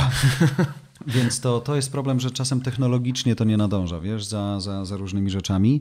Y, ja pamiętam swoje studia, to wprawdzie była filologia polska, specjalność dziennikarstwo, ale jak mhm. nas wpuszczono do Polskiego Radia we Wrocławiu, no to był zakaz dotykania czegokolwiek, no to kurczę, nie da rady, nie? Tak, muzeum. Mm, muzeum, no trochę, a więc, ale mi się wydaje, że fajnie jest i każdy dziennikarz to, to, to powie, jeżeli masz skończoną socjologię, filozofię, mm, politechnikę nawet, nie? I, i a, a umiesz mówić później i masz jakiś background, jakąś wiedzę, wiedzę, jesteś specjalistą w czymś, nie? to ci zawsze pomoże. To znaczy, to, to zawsze będziesz miał i sam w sobie poczucie, że mm, dziennikarstwo taki zawód, nie zawód, no bo co to jest zawód? Nie? Dziennikarz, czyli o wszystkim i o niczym będzie opowiadał. Taki, nie?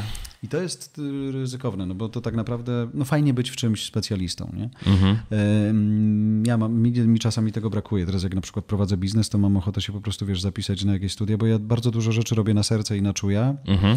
a wydaje mi się, że czasami wiesz, czy jakieś takie kwestie biznesplanów, czy w ogóle marketingu y, takiego, takiego tradycyjnego, że to, to gdzieś tam jest potrzebne. I chętnie bym się tego nauczył. A, i, i, więc na pewno coś takiego, co, co, co, co dodawałoby, że tak powiem, wiedzy do określenia dziennikarz.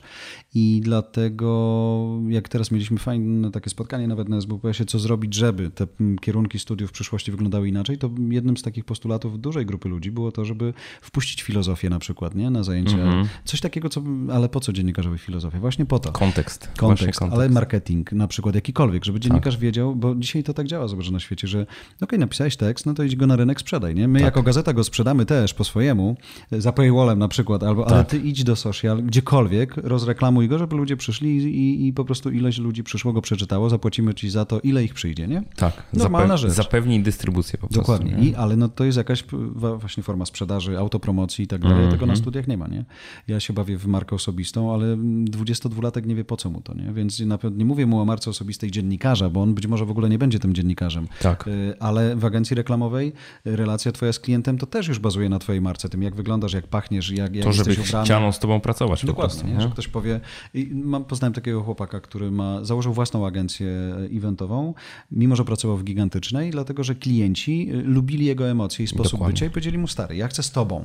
Tak. Więc jak ci, to jest czasem ryzykowne, bo jak masz jednego czy dwóch klientów, to oni są, może ich nie być, ale generalnie jest to, to szansa, żeby właśnie się spersonalizować. Więc y, nawet jeżeli nie, nie mówimy o marce osobistej dziennikarza, to ja im mówię o marce osobistej pracownika. Nie? Tak. Y, Wprawdzie pani z Facebooka ostatnio powiedziała, że to jest w ogóle jakiś Bullshit. absurd, bullshit. Tak. Nie ma czegoś takiego jak marka osobista, bo ona po prostu jest człowiekiem. I ja jakby myślę, był na jej pozycji w Facebooku, też bym mówił, że to jest bullshit, ale jednocześnie dzisiaj firmy wymagają tego, żebyś, y, żebyś był jakąś osobowością, nie? żebyś jednak coś do tej firmy wniósł. I oni wtedy zaczynają kumać, nie? że warto jest pilnować tego, co zostawiają w sieci, warto jest zadbać o siebie, warto jest przypilnować tego, kogo masz wśród znajomych, żeby uważać też na, na, na, na swoją obecność, bo i nawet jak nie teraz, to za trzy lata, jak ktoś będzie szukał informacji o tym, kim jest pan X, to może no to, wyciągnąć. To trafi, nie? I to wtedy, trafi, wiesz, dokładnie. jeżeli będziesz chciał, nie wiem, zarządzać jakimiś markami w dużej agencji marketingowej i masz dbać o markę, mhm. a nie potrafisz zadbać o, o, swoją w markę, no to kto ci zaufa, żebyś pilnował, nie wiem, jakiegoś napoju na przykład i pilnował tego, co o nim się mówi, jak jego się pokazuje i tak dalej. Kiedy się okazuje, że wiesz, główne zdjęcie, jak wpisze się twoje imię i nazwisko w sieci, to jakieś zażegane zdjęcie z rynku, nie? Bo imprezowałeś ze znajomymi. Tak. Bo oni cię oznaczyli, a ty nie poprosiłeś ich, że, żeby to, nie wiem, jakkolwiek to trafiło. Nawet nie zadbałeś o to, że, że żeby wykasować, albo w ogóle czasem się zdarza tak, że ludzie, jak nawet sobie zaczynamy zajęcia, to oni się dziwią, co na ich temat jest w sieci, nie? 22-latkowie. To jest szalone, nie? No to jest trochę inny świat niż, niż ten, w którym my startowaliśmy, bo my jednak internetu nie mieliśmy na dzień dobry, nie? I jakby trudno nawet wyszperać jakieś informacje o nas z, z czasów. No. Ja ostatnio szukałem, wiesz, informacji na temat moich pierwszych yy, prac, mhm. tak? Gdzie byłem dziennikarzem, teoretycznie wszystkie moje teksty powinny być w sieci i tak dalej. Nie ma. Znaczy niczego przed rokiem tam 98 w internecie nie znajdziesz, no, no taka prawda, tak, nie? Mówimy tutaj o, o, o Polsce, nie? Mhm. Um, powiedziałeś o tej marce osobistej, to powiedz Jarek, jak ty dbasz o tą swoją markę osobistą, bo ty jesteś takim, kontekst Mhm. zarysuję, ty jesteś takim gościem, którego widać, jesteś publiczny, masz swoje zdanie dosyć konkretne na wszystkie tematy albo na sporo tematów, nie boisz się go wyrażać, co też ci przysparza całkiem sporo takiego negatywnego Mm. elektoratu, ale z drugiej strony widzę, że ty potrafisz taką fajną granicę postawić i no na pudelku to cię nie ma generalnie. No ostatnio nie, w ogóle tak. Eee, w, a już w szczególności jakby, no chociażby, no widać ciebie, nie widać twojej rodziny i Mhm. bardzo tego jakby wi, widzę, że stawiasz tą, tą linię. Zresztą u mnie jest dokładnie tak samo. Mhm. Znaczy, Wiesz, wiesz co, wczoraj wiesz. jak wróciliśmy z Wrocławia, wracałem z e, ekipą i, i z Zośką, bo zabrałem ją, akurat tak się ułożyło, że, że musiała pojechać ze mną Mhm. i wiesz, odstawiliśmy auto, zabraliśmy tam jakieś rzeczy jeszcze i mówię, jeszcze musimy wpaść do Go Forward, yy, bo coś tam muszę podpisać, jakieś umowy i coś tam zostawić. No i ona wtedy sobie siada w biurze i wiesz, i masz taką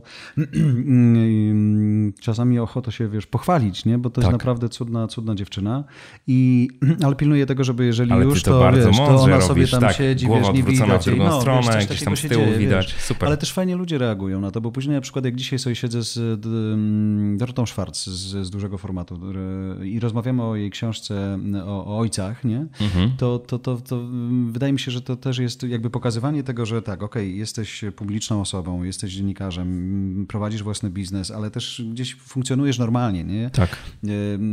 To, to, to, to wtedy trochę się uwiarygadniasz, no, jak, jak, jak zaczynasz dyskusję o, o, o roli ojca i tak dalej, i tak dalej. A dwa, że to jest też fajne, bo się jesteś w stanie dużo, dużo od tego dziecka nauczyć, ale też ludzie bardzo fajnie reagują. Nie, że jak ja widzę, że śmieję się, bo idziemy na koncert Coldplay wieczorem, a Zośka kiedyś powiedziała, że wiesz, piosenka e, Coldplaya, gdzie jest so high, so high, to przecież ona słyszy tam zocha, zocha, więc wiesz, gdzieś tam rysuje ten kontekst i tak dalej i ludzie się do tego fajnie, fajnie uśmiechają, nie? Więc y, staram się to robić tak, bo, y, bo wiem, jak to może być y, bolesne, nie? Mam duży dystans do tego, że na przykład jak widzę Piotrka Kraśko na jego Instagramie, że nie wiem, kończy jakiś maraton czy coś na Mazurach i na metę przybiega ze swoimi dziećmi. I ja to widziałem w Rzymie na maratonie też. To jest niezwykłe doświadczenie dla kogoś, kto kończy maraton i pokonuje tą linię mety z dziećmi, ale jednocześnie mm, jakby nawet to, że on bierze je na rękę i, nawet pozuje do zdjęcia, które, jak, jak trafia do albumu rodzinnego, to w porządku, nie? Tak. Ale nie masz, pamiętam Anię Kalczyńską, która kiedyś się dziwiła, że jej dzieci wylądowały na portalu jej koleżanki Jastrzębskiej, Jastrząb Post, nie? I, i, I była oburzona i, i, i dziwiła dziwiła się dlaczego i chciała, żeby, żeby usunąć, ale one były wzięte z jej Instagrama. No to kurde. Sama pokazałaś, no to w czym jest problem. I to jest, mhm. to jest problem, że dzisiaj wydaje mi się, że to można, mo, można pokazywać y, jakąś tam swoją nie, niezawodową, y, prywatną stronę, bo widzowie to bardzo lubią też, ale, ale żeby to miało ręce i nogi, żeby to chroniło mimo wszystko. Bez nie? potencjalnej szkody dla no, innych, no, nie? A nigdy nie wiadomo, jaka ta szkoda może być. Nie? Nigdy nie wiadomo, dokładnie, no bo to jest tak, że dzisiaj jak, jak, jak, jak chcą cię zaatakować, to zawsze tam się, gdzieś zawsze rodzina jest takim czymś bardzo bolesnym, więc na pewno można będzie za to, o to zahaczyć, nie? Ale mm, i, i, na to wydaje mi się trzeba po prostu uważać. No. Jaką masz politykę w kontekście e, hejterów, nazwijmy to wprost? Ojej, właśnie wczoraj, powiem ci, to było ciekawe. Pomyślałem sobie o tym, że y, mi się wydaje w ogóle, że y, gdzieś taka edukacja, e, że jeszcze dwa lata temu, mniej więcej, czy trzy lata temu, jak ja mówiłem, słuchajcie, kurczę, ale tu atakują i tak dalej, to ludzie mówili, ale daj spokój, przestań. E, to tylko ty masz z tym problem i w ogóle zostaw to. O, w ogóle nie odpowiadaj. Mhm. I ostatnio miałem trzy takie dziwne, znaczy nie dziwne, ale trzy takie maile, które, do których ja się już uśmiecham, a które tylko pokazują, że to, to była dobra droga. E, facet, który jest świetny w marketingu, mówi do mnie, kurczę, coś tam zrobiłem i powiem ci, że nigdy nie rozumiałem, co do mnie mówisz o hejcie do momentu, kiedy mnie to nie spotkało. Tak. Dziewczyna, do której jeździłem kiedyś na język angielski, która odeszła z firmy, w której uczyła, założyła własną i rzeczywiście fajnie się rozwija e, konkurencja ją zaczyna hejtować i ona mi pisze messengerem wiadomość. Słyszałam to, mm, taki miałam dystans do tego, co mówisz do momentu, aż nie zaczęłam rosnąć i czuję, jak to boli. Nie? I to jest niesamowite. Jak kiedyś mi Dorota Gardia zapowiadała, jak, jak była, jak, jak, jak paparazzi gdzieś ją tam dopadli i coś się działo. Ona mówi, że to jest niezwykły stan, którego nie jesteś w stanie opisać. Nie?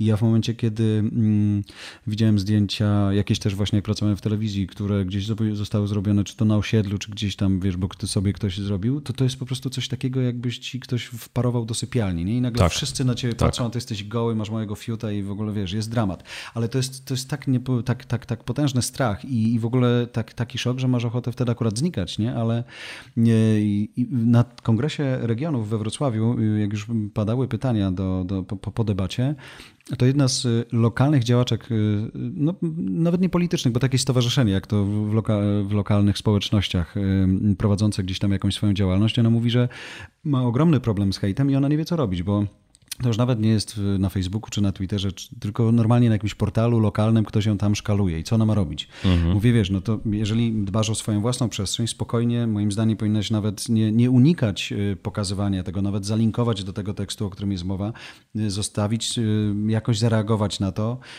jeżeli to są takie sprawy właśnie społeczno-polityczne, ważne dla twoich wyborców, czy ważne dla twojej społeczności. Natomiast pamiętaj, że zawsze ta druga strona będzie chciała mm, być ostatnią, która zabierze głos w tak dyskusji. Tak. Pozwól jej na to. Niech mhm. ona będzie ostatnią. Spróbuj załatwić sprawę raz. Być może czasem potrzeba się odezwać drugi raz, ale e, nie przesadną liczbą słów, bo to też jest bez sensu, bo jak napiszesz 100 słów, to ktoś napisze 200, ty 200, ktoś 400 i to tak się będzie napędzało. Jeżeli e, czujesz się niesprawiedliwie pomówiona, odpowiedz na to raz, a porządnie, tak żebyś czuła, że odpowiedziałaś mhm. i nie walcz na siłę o to, żeby po prostu twoje było na końcu, bo to, się, to jest bardzo trudne do zrobienia. Mhm. Ja często staram się pokazywać tych ludzi, którzy gdzieś tam e, atakują brutalnie, e, normalnie nawet print screenami ich maili albo, albo, albo wpisów. Mhm. Często nawet robię Ale kilka wymazujesz? Zdjęć. Wymazujesz dane, czy zostawiasz? Wiesz co, nie. Ostatnio nawet chyba mailowy adres zostawiłem i nawet facet się, facet mi groził śmiercią akurat, ale się oburzył, że ja, powiedział, że ten, że on pójdzie na policję, bo ja jego adres mailowy zostawiłem. Mówię, no to super, to przynajmniej ja już nie będę musiał iść na policję, to, to proszę iść, nie? Mhm. Ale z policją miałem parę razy do czynienia, oni generalnie żądają, żebyś wszystko im dał, razem mhm. z numerem IP i tak dalej. Ostatnio, kiedy powiedziałem, aha, ktoś, tylko retweetowałem coś, co ktoś napisał mm, i mówi, aha, i załączyłem konta polskiej policji, prokuratury, mówię, że właściwie to już mm, nie mam wątpliwości, że to pod, podchodzi pod mowę nienawiści, a ponieważ widzę, jak ostatnio sprzątacie, to może ta sprawa was e, zainteresuje. Wiem, że będziecie chcieli numer IP, ale nie mam, nie mam na to siły. To błyskawicznie jeden z użytkowników Twittera podesłał mi numer IP po, po tym, po imieniu i nazwisku gościa, który tam się pojawił na tym swoim wpisie. Już, nie? I to dzisiaj tak, tak działa, ale nie przechodziłbym obojętnie, ale też hmm. nie tracił specjalnie czasu na to. No, udawanie, że się nie dzieje nic, to jest złe. Pokazywanie tych ludzi. Było dużo takich sytuacji, w których wiesz y, Ktoś wypisuje jakieś głupie rzeczy, y, je go pokazuje i on w błyskawicznie znika z sieci. Nie? Ja nawet już nie muszę blokować, on po prostu mhm. wie, że to. Szczególnie, że ludzie dzisiaj zapominają, znaczy robią to z dumą, że tak. imię i nazwisko, moja firma to taka i taka, i w momencie, kiedy eksplodują, no to ta firma za nim się ciągnie. Więc tak. jeżeli wiesz, ktoś cię bardzo mocno atakuje, a ty. Ja ostatnio tak zrobiłem. Facet, który pracuje w jednej z firm mm, motoryzacyjnych, chyba był takim lokalnym przedstawicielem handlowym czy kimś tam Mm, zauważyłem nazwę firmy u niego na profilu i wysyłając do niego wiadomość mówię, a zostawiając tam jego opinię, czy ten jego komentarz, mówię, że już odezwałem się do e, twojego, do, do twoich szefów e, i to, co ty teraz widzisz, to wysłałem im print screena twojego wpisu. Mam nadzieję, że e, przytulą cię do serca, nie? I błyskawicznie znika facet, zamyka konto na Twitterze, nie ma go na fejsie, w ogóle nie ma. I, I, to jest też jeden ze sposobów, że oni nie wracają. Ja mam takie poczucie, nawet nie wiem, czy to z uwagi na to, że przestałem być dla nich atrakcyjny, czy, czy mm, odszedłem z telewizji i mm, oni jakoś inaczej na mnie patrzą, ale że to się trochę uspokoiło. Albo widzą, może że, widzą, że ta może, walka że jest skuteczna, działa, wiesz. No, może to widzą, też tak że to jest. nie rusza, nie? Jak było na początku? Pamiętasz te emocje? Takie pierwsze hejterskie komentarze, jak ty sobie z tym radziłeś emocjonalnie? To jest w ogóle zawsze y, też problem w nas samych, bo y, nikt nas nie uczy asertywności, nie? Tak. Nikt nas nie uczy tego, że jak już robisz coś publicznie, to ludzie mają prawo powiedzieć, co o tym myślą. Tak. Y, w ogóle myśl, na, na, dziennikarskich studiach bardzo mało jest takich zajęć, gdzie nauczą cię tego, że wiesz, było pisanie tekstów i chowanie ich do szuflady, albo drukowanie w gazetce szkolnej. Ale zwykle, albo pokazywanie tego rodzicom, no to wiadomo, mama zwykle pochwali, nie? Tak. Ale fajnie jest zrobić coś publicznie, żeby jednak, by, żeby ktoś to ocenił, żebyś po, usłyszał. Ja też staram się swojej córce nie, nie mówić, że wszystko jest fajne. Jak ona narysuje coś brzydko, to i mówię, Zośka, wiesz co, jako nie wiem, wydaje mi się, że stać się na więcej. Koń to, to nie jest, wiesz. tak? I ona, Moim zdaniem ona się dziwi, nie? nie? Ale, ale, ale to jest jedna z dróg do tego, żeby właśnie być przygotowanym na to, że ktoś raz ci powie e, coś bardziej brutalnie, raz ci powie coś mniej brutalnie, ale generalnie będzie na nie. Mhm. I poradzenie sobie z tym, że jeżeli produkujesz jakieś dzieło, nie wiem, robimy nasz podcast, tak? Ktoś go tak. różnie będzie oceniany, ale jednocześnie, żebyśmy my na końcu tego naszego nagrania dzisiaj mieli takie poczucie, że to fajnie wyszło. Dowieźliśmy coś. I koniec, nie? Tak. To już, a co będą mówić, to wiadomo, że nie zadowolimy wszystkich, ale my jesteśmy spełnieni. I to mhm. jest, tylko że to jest trudne, nie? Bo to dla jednych to jest mm, uznawanie, że jesteśmy alfami i omegami. Nie, po prostu wiem, bo mam jakieś doświadczenie, że to, co zrobiłem, zrobiłem na tę chwilę, nie wiem, na 16 czy ile, najlepiej jak mogę i nie dałbym z siebie więcej. I koniec, nie? Mogę podyskutować o różnych e, fragmentach tej rozmowy, ale, ale nie przejmuję się tym, że ktoś powie e, nudy albo coś tam, bo ja trudno, to oceniam no to inaczej. trudno, nie? To nie? trudno, nie? Ja ale to jest ta, ten, ten problem właśnie takiego braku, e, znaczy takiego nauczenia się asertywności, mhm. nauczenia się radzenia sobie z krytyką i to wynika czasem z naszych kompleksów albo takiego wychowania. Moja matka na przykład, mam takie dwie mamy, jedną prawdziwą, a drugą taką przyjaciółkę, która jest i w wieku mojej mamy i i emocją bardziej przyjaciel. Mm, a mieszka w Szwecji i y, lalka zawsze mi mówi, o super to było, widziałam, y, usiądź na chwilę na laurach, nie? Pociesz się tym. Aha. A moja mama zawsze mówiła, wiesz, tam może jednak nie chwal się tym za bardzo, bo za chwilę dasz ciała i jak to będzie odebrane, że tu proszę bardzo, coś widowiskowego, a za chwilę więc lepiej tak nie pokazuj, idź, idź tam. Mm, I to, to jest gdzieś cały czas właśnie takie, takie też wychowanie, nie? Że tak nie podskakuj wyżej niż musisz. A jednocześnie publiczne bycie, no to jest jakieś porwanie tłumów, no tak mhm. czy inaczej, niestety. No to, to, to, to do tego zmierza. Nie? polega, nie? I to jest właśnie trudne, żeby sobie to uświadomić i, co najważniejsze, wydaje mi się, mieć dokąd uciec, nie? Że e, zobacz, jak e, mówisz o tym, że nie wszystko z takich prywatnych rzeczy widać, bo wydaje mi się, że trzeba sobie zostawić takie miejsce, do którego schodzisz jak do nory tak. i tam po I prostu... nie ma. A jak e, celebryci wpuszczają swoich fotoreporterów, okej, okay, mają nowe mieszkanie, fajnie jest je pokazać, bo cieszymy mhm. się, tak jak ja się cieszę córką, ale jednocześnie jak pokażesz wszystko, łącznie z kiblem i z sypialnią, no to później to już nie co masz jest tego twoje, miejsca. Nie? Gdzie, nie gdzie się schowasz, kiedy naprawdę dasz dupy, zrobisz fatalny program i będziesz to wiedział i będziesz chciał, chciał się gdzieś schować. Jak nie masz gdzie, to, mhm. to problem. Ja przez długie lata, jak pracowałem w mediach y, i nie miałem domu, ułożonego, no to, to, to był problem taki, nie? że robisz wszystko, to jest widowiskowe, ludzie i, i to wtedy było nawet tak, to było trudne, bo y, nie miałeś tej siły, żeby powiedzieć, mówcie sobie co chcecie. Ja mam swój dom, idę i tam mhm. się schowam i tam stamtąd biorę siłę, wracam i mogę pięć dni w tygodniu rano wstawać i, mhm. i wam e, zakładać taką czy inną maskę i robić swoje. Albo w ogóle być bez maski i powiedzieć, że właśnie słabo spałem, jestem wkurwiony i coś, coś nie wyszło, ale róbmy to, nie? Bo taka, taka jest moja robota. Tak. Natomiast musisz skądś tą siłę wziąć. Ja dzisiaj rano na przykład po spotkaniu z tymi chłopakami z, z tego, z, ze Stand Up Polska, oni po prostu zabrali ze mnie to, że ja musiałem walczyć z ich konwencją, którą oni sami sobie chcieli narzucić. E, oni zabrali ze mnie całą energię już, wiesz, Strategia w wojny, 20 nie? minutach programu, nie? Dokładnie. A później masz zabawiać widzów jeszcze przez godzinę. I jak, hmm. czym, nie? I dobrze, że akurat wypuściliśmy rozmowę nagraną wczoraj we Wrocławiu z Frasoniukiem, bo miałem czas na to, żeby wziąć oddech i się uspokoić i się, wiesz, mhm. pojechać dalej. Natomiast to jest coś takiego, że jak już wychodzisz na scenę, to, to nie dostaniesz nigdy. Nie, o, możesz dostać brawa na koniec, jak coś wyjdzie fajnie i to, się, to jest łap i trzymaj dla siebie. Natomiast po drodze raczej będziesz dawał niż, niż dostawał i to jest, to jest, wydaje mi się, trudne i na to trzeba być przygotowanym, nie? Że jak wychodzisz na scenę, to musisz mieć 200% energii. Stówę dla siebie, stówę dla reszty, bo ci zabiorą ją w sekundę. I tak jest ich prawo, nie? Ty masz ich po prostu zabawić, dać im wiedzę, dać im rozrywkę, cokolwiek. No ale gdzieś musisz też myśleć o sobie i to jest trudne, nie? Tak. Tak, tak. Dlatego dzisiaj, nie wiem, z Wojtkiem Wimanem jechaliśmy i właśnie słuchając Frasoniuka mówię mu, że patrzę na, z podziwem na to, co robi Szafi w ostatnim czasie, bo ty mi tak wysyłasz jednego maila i mówisz do mnie, słuchaj, za tydzień się spotkamy, będziemy nagrywać podcast, to jest moja propozycja pytań. Za chwilę mówisz, słuchaj, jeszcze uszczegółowiłem te pytania, zobacz. I ja myślę sobie, kurwa, kiedy on ma na to czas, nie? I że to jest tak fajne poukładanie sobie pewnych priorytetów, że mm, albo dzisiaj nawet siedziałem z, z człowiekiem, który ostatnio, y, ostatnio lub może trochę dalej dzwonił do ciebie i zapraszał cię do Szczecina na taki event mhm. E, i ty mu powiedziałeś, że w tym roku w ogóle, że to nie ma sensu. Pas. Znaczy to już jest pas, nie? Tak.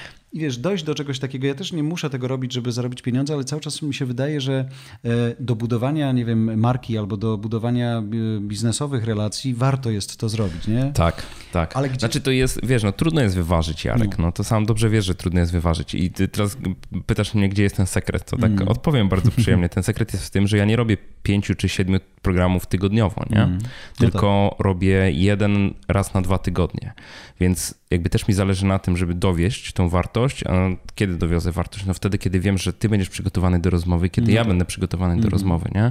Czyli znowu, wiesz, to, co mi się na przykład w mediach tradycyjnych nie podoba, to jest często to, że jesteś wzywany do takiego, nazwijmy to, programu porannego, mm. żeby nie wymieniać tak. konkretnego. Tak. Jest y, informacja, no chcielibyśmy pana, tak? Okej, okay, jaki będzie temat? Mm, no taki i taki. Okej, okay. E, kto będzie prowadził? Jakie będą zagadnienia? Mm nie, no to tam będzie, powiedzmy ta para będzie, a może ta będzie, mm. tak, bo to tam zależy, bo może nam się przesunie, a może nam się jeszcze zmieni. E, pytanie, nie, no to tam na miejscu, nie? Mm. Ja Okej, okay, tak. I teraz wie, wiem, że idę tam na 3 minuty, tak, no. czy na 6 minut. I teraz jak ja jestem w stanie zrobić wartościowe 3 czy 6 minut, jeżeli nie wiem, o czym będę w ogóle no tak, mówił, nie? To mm. wolałbym się przygotować, no bo ja tam idę po to, żeby dać wartość, nie? O, oczywiście tam na żywo to i tak połowa rzeczy nie wyjdzie, nie? Bo ja nie jestem mm. pro, który tam na żywo wyjdzie i będzie gadał.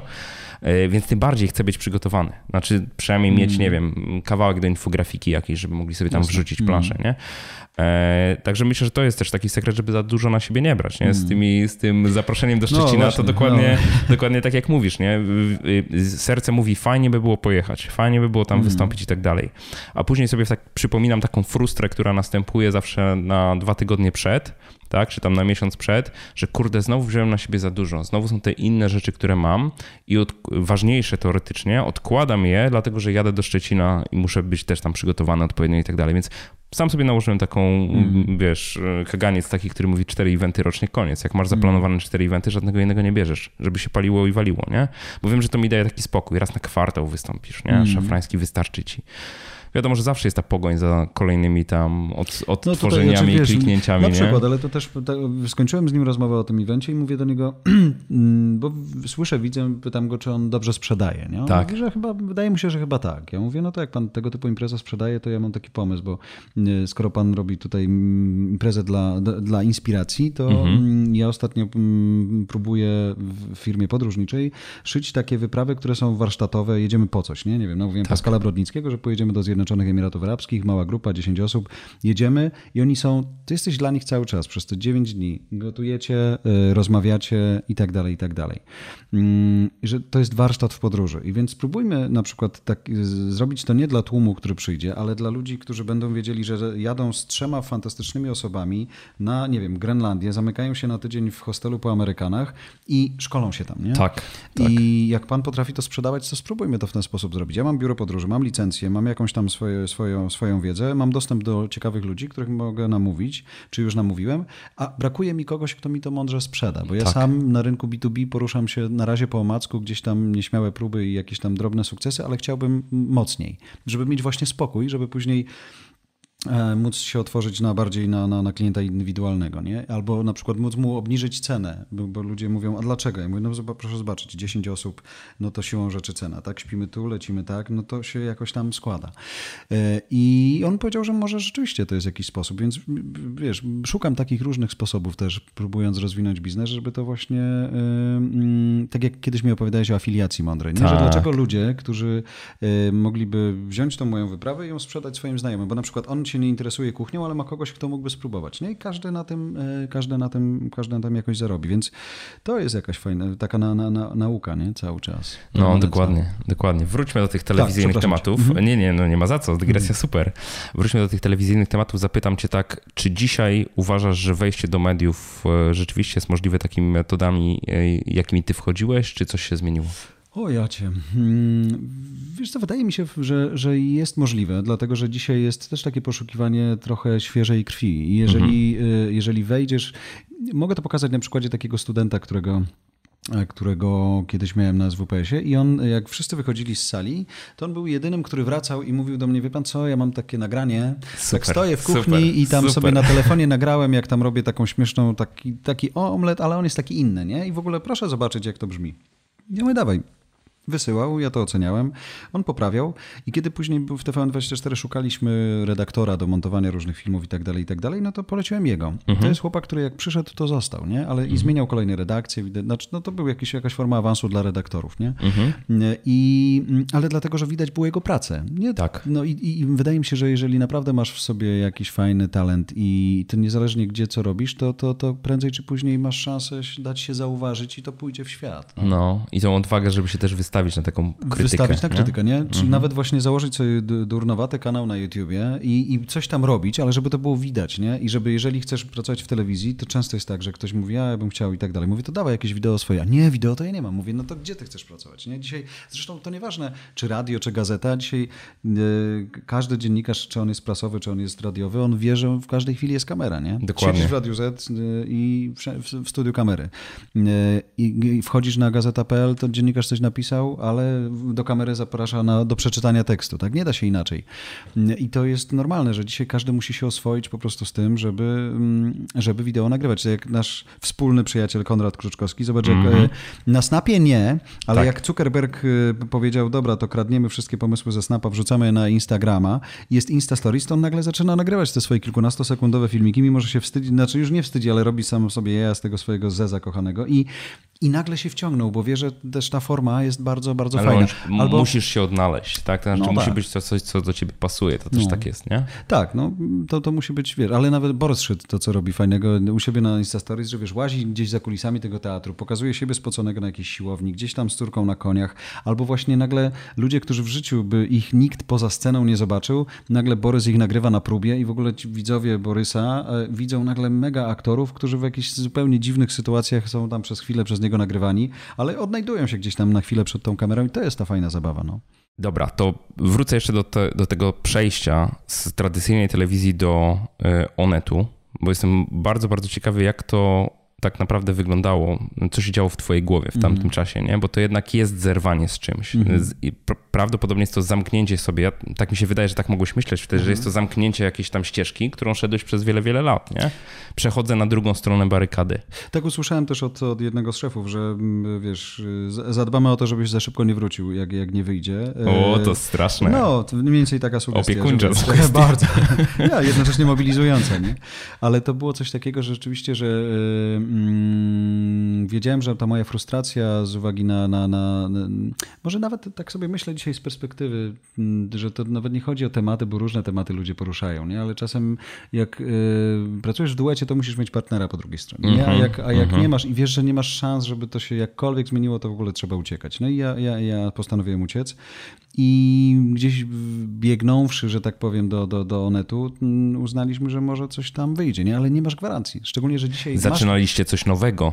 Tak, to też jest, też, wiesz, zupełnie, wiesz, dzisiaj to jest słyszę, totalne ryzyko. Że oni, oni y, nie, nie zdradzali, y, że to jakby nie dali mi odczuć, że, że ryzykują, nie? Tylko byli pewni, mhm. że chcą mnie. Natomiast mhm. wiedzieli i zgodzili się, wiesz, no, zbudowanie studia, y, zamontowanie tego całego sprzętu na auto i tak dalej, i tak dalej, to, to, to, były, jak, to były niemałe pieniądze, i, ale jednocześnie nie wiesz, co z tego wyjdzie, nie? Mhm. I to, to było duże, duże, fajne ryzyko i jednocześnie właśnie coś takiego, że hasło Kuźner się skończył, nie? to gdzieś w tyle głowy ci choćbyś nie wiem, jak bardzo był pewny siebie i, i, i tak dalej, będzie pobrzmiewało i pobrzmiewało. Mój biznes y, jest kompletnie nierozwinięty tak, żebym ja na przykład utrzymywał z niego siebie. Nie? Mhm, to, mhm. to jest cały czas taka takie, takie startupowe myślenie, że ponieważ y, to jest jakaś fajna fantazja, fajna pasja, no to niech ona się rozwija, pewnie prędzej czy później przyjdą też pieniądze. Mhm. E, e, natomiast no skądś one muszą być dokładane do... Ja nie mam partnerów biznesowych, więc nie mam udziałowców w tym, więc sam sobie jestem udziałowcem, więc muszę mhm. skądś te pieniądze przynieść, żeby to się rozwijało. Nie? I nawet teraz mam takie sytuacje, że...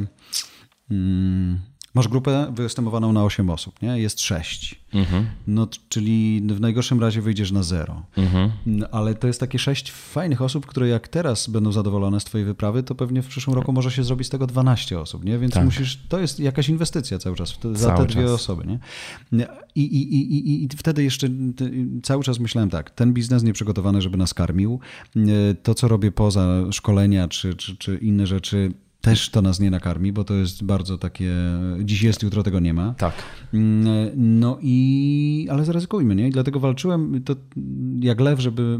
Chociaż to akurat nie, nie, szefowie nie mieli z tym problemu, bo się zgodzili na, na, na, każdą formę współpracy, ale ja walczyłem choćby o minimalne, minimalny etat, żeby mieć takie poczucie, że wiesz, że to jest jakieś bezpieczeństwo. Jest jedne, zaczepienie. Wszystko, nie? -hmm. Więc ja mam tak skonstruowaną umowę, że mam taki pół etatu i reszta. Nie? No i też y, po raz pierwszy pamiętam, że udało mi się. Mm, jest w tym trochę Twojej zasługi też, myślę, że po raz pierwszy udało mi się tak usiąść i tak szczerze Wiesz, w sytuacji, w której no ja mam dużo do stracenia, oni nic, nie? Mhm. Ale ja teraz y, muszę siebie wycenić jakoś, nie? Muszę tak. wycenić to, co stracę odchodząc z telewizji i uczciwie to pamiętam moim szefom napisałem, pamiętając też to, że stary, musisz przeliczyć sobie to, to, to i to i to, nie? Tak jak mhm. Dorocie kiedyś mhm. Rejewskiej tłumaczyłeś, fajnie. I ja to po raz pierwszy zrobiłem i, y, i, i, i wiesz, zaryzykowałem, nie? W jakimś, w jakimś sensie i to było, to było fajne. I jakoś to się nawet udało nam zrobić, nie? Na zasadzie, no dobrze, dobrze, to rozumiemy, no bo jakby tak, są inne pieniądze w telewizji, tak jak zawsze radio tęskniło do pieniędzy telewizyjnych, tak internet też, mhm. ale później generalnie ja rozumiem też moich szefów, że oni pomyśleli, zróbmy to, i później, wiesz, zobaczymy, jak to będzie wyglądało. Nie, nie wiadomo, czy nam się to zbilansuje. Dokładnie, ale, jednocześnie... no, ale przynajmniej wiadomo, w jakim koszcie się zamykamy przez rok. Dokładnie, przykład, wiemy, że to jest tak. No właśnie, i to jest na przykład ta perspektywa. W telewizji siedzisz i nie wiem, może jak umrzesz, to cię wyniosą i koniec, nie? Ale generalnie masz takie ogromne poczucie, że w ogóle ona jest, będzie i ty w niej jesteś, będziesz. Musisz, na... kurczę, w CNN jest taki gość, nazywa się Richard Quest, którego kiedyś przyłapali, jak e, jest homoseksualistą zdeklarowanym, biegał z goły z podwiązanym kutasem na szyi po Central Parku, nie? No matko. Zdjęcia, cuda, wiesz. Wiesz, że on był zawieszony chyba przez miesiąc tylko, a później normalnie wrócił i prowadził program, nie? Więc jakby naprawdę trudno jest zniknąć z telewizji. Chyba, że sam chcesz odejść. No i, a, a, ale a w sieci masz tak, że dobra, nie ma, że czekamy czasem na koniec sezonu i widzimy. Masz wyniki w sekundę, nie? Mhm. Więc błyskawicznie też reagujemy. Jeżeli nie jedzie, no to zmieniamy. I koniec, nie ma zmiłuj, nie? Dokładnie tak. Perspektywa, wiesz, kwartału to i tak, no taka powiedzmy bezpieczna, nie? Mhm. A później jest niewiadoma, cały czas. Mhm. E, I to, to, to jest też fajne. Natomiast i jeszcze mm, mm, tak jak przychodziłem, to tak pół żartem, pół serio to powiedziałem, pamiętam na spotkaniu, mówię, no tak, ale ciekawe, co będą ludzie gadać, bo teraz tak, Gras też przechodzi, no ale przynajmniej jest szefem w fajnej, fajnej, fajnej przestrzeni, nie? A ja to co, przyjdę, będę tylko prowadzącym. No i akurat ruszał taki projekt Onet 100 i wtedy moja szefa mówi, a to może byśmy zrobili tak, że jak chcesz więcej odpowiedzialności, to bardzo proszę, nie? Mhm. I tutaj masz na przykład tak, że co projekt globalny w firmie, najważniejsza, najważniejszy projekt w sumie dzisiaj w całej grupie. Mhm. No i teraz... Yy, yy, zarządź tym jakoś, nie? Mimo, że do tej pory kompletnie cię nie interesowały, wyniki oglądalności cię interesowały, ale to do tego, do, tylko do tego, że wiedziałeś, że nie wiem, twój szef ci estymuje, że przez rok musisz się zmieścić w X, a miałeś więcej, to miałeś dziękuję. Nie? Miałeś, pe, miałeś premię, nie, tak? premię w postaci zwykle, Aha, wiesz, dziękuję, do góry. Nie? Dziękuję. A tutaj masz tak, że wiesz, no jest estymacja i koniec, nie? Musimy zrobić tyle i tyle um, um, słupków, słupków, po prostu. wyświetleń, bo zależy, co tam sobie postanowimy. No i trzeba to, e, trzeba to dowieść, nie? Mhm. I, I, to jest fajne. Masz zespoły po raz pierwszy, takie, no, niby też jako twarz, powiedzmy, odpowiadałem za, za zespół, jak on wygląda, ale nie odpowiadałem za nich tyłkiem. Mhm. W sumie to byli ludzie, z którymi współpracowałem, więc ja mówiłem, co mi się podoba, co nie, co bym chciał, mhm. ale tak naprawdę to nie byli moi pracownicy, tylko pracownicy mojego szefa. Nie? A dzisiaj jest trochę tak, że ja jestem dla nich też szefem i za nich, za nich odpowiadam, więc to jest też takie wyzwanie, że wiesz, musisz mieć fajnie, próbować oddawać swoje kompetencje, ale też y, właśnie ja staram się tak to robić, no bo też nie, nie, nie udawać, że mam jakieś kompetencje, których nie mam. Tak. Słuchać się ich uczyć, wiesz, jak słyszę historię faceta, który rządzi Huawei'em w, w Polsce, że on sobie kiedyś zamarzył, że będzie coś tam fajnego robił i wyszedł z wioski w Chinach, gdzieś doszedł do dużego miasta i nagle rządzi po paru latach Europą, mhm. w Europie Środkowo-Wschodniej, wiesz, dużą firmą IT, więc to jest fajne. Więc, ale jednocześnie właśnie on, on w którymś wywiadzie przyznał, że czego nie wiedział, to słuchał nie? i się uczył tak. albo zadawał pytania. I dzisiaj słyszę, że taka jest tendencja też na rynku, że tak naprawdę za chwilę szefowie to będą raczej ludzie, którzy właśnie dosiądą się do stołu swojego pracownika, porozmawiają, a jak on powie, że ma z czymś problem, to oni mu nie rzucą rozwiązania na stół, tylko zaczną go pytać, jak on to widzi. Wiesz, tego typu i staram się to w ten sposób robić, żeby tam, gdzie mam wiedzę to, i kompetencje, to ja wiem gdzie i mogę ewentualnie podpowiedzieć. Natomiast gdzie nie, no to, to, to wolę zapytać albo, albo wręcz to komuś zlecić. Nie? I, ty, I tyle. Ale jest ta zupełnie inna odpowiedzialność. Też to, co ci mówiłem, kiedy jeszcze kamery były wyłączone, że wchodzisz trochę dzisiaj y, i dziennikarz musi wejść w taką rolę nie tylko tego, kto wyprodukuje kontent, ale też wiesz, takiego sprzedawcy. I ja dzisiaj jestem na wielu spotkaniach z biurem sprzedaży Onetu. Mhm. Idziemy do klientów i mówimy, słuchajcie, to jest taki taki program, to jest prowadzący ten program. Chcecie być naturalnie jakoś w tym programie, to wymyślmy sposób, nie? Tak. A dlatego, że ponieważ to ma być naturalne, to fajnie, żebym ja w tym był i mógł powiedzieć, że to chcę, tego nie to chcę. To będzie ok, a to nie. Dokładnie. Tego nie? publika nie kupi, no, tak? Po więc prostu. To, to jest fajnie, że, że dzisiaj, no może mamy takie szczęście, ale że te marki, z którymi gdzieś współpracujemy, czy, czy to one jakby ufają nam, że my coś dobrego zrobimy i to musi być naturalne, nie? że wiesz, T-Mobile gdzieś tam śmiga, a mm, jedziemy sobie z, ostatnio z, z moim gościem, Gabi Drzewiecką i rozmawiamy o koncertach e, Gorillaz, bo one mhm. są takie inne i Gabi mówi, wiesz, i całe to miasto takie w tych różowych barwach, ja mówię, jakie różowe? To przecież to magenta, nie wiesz?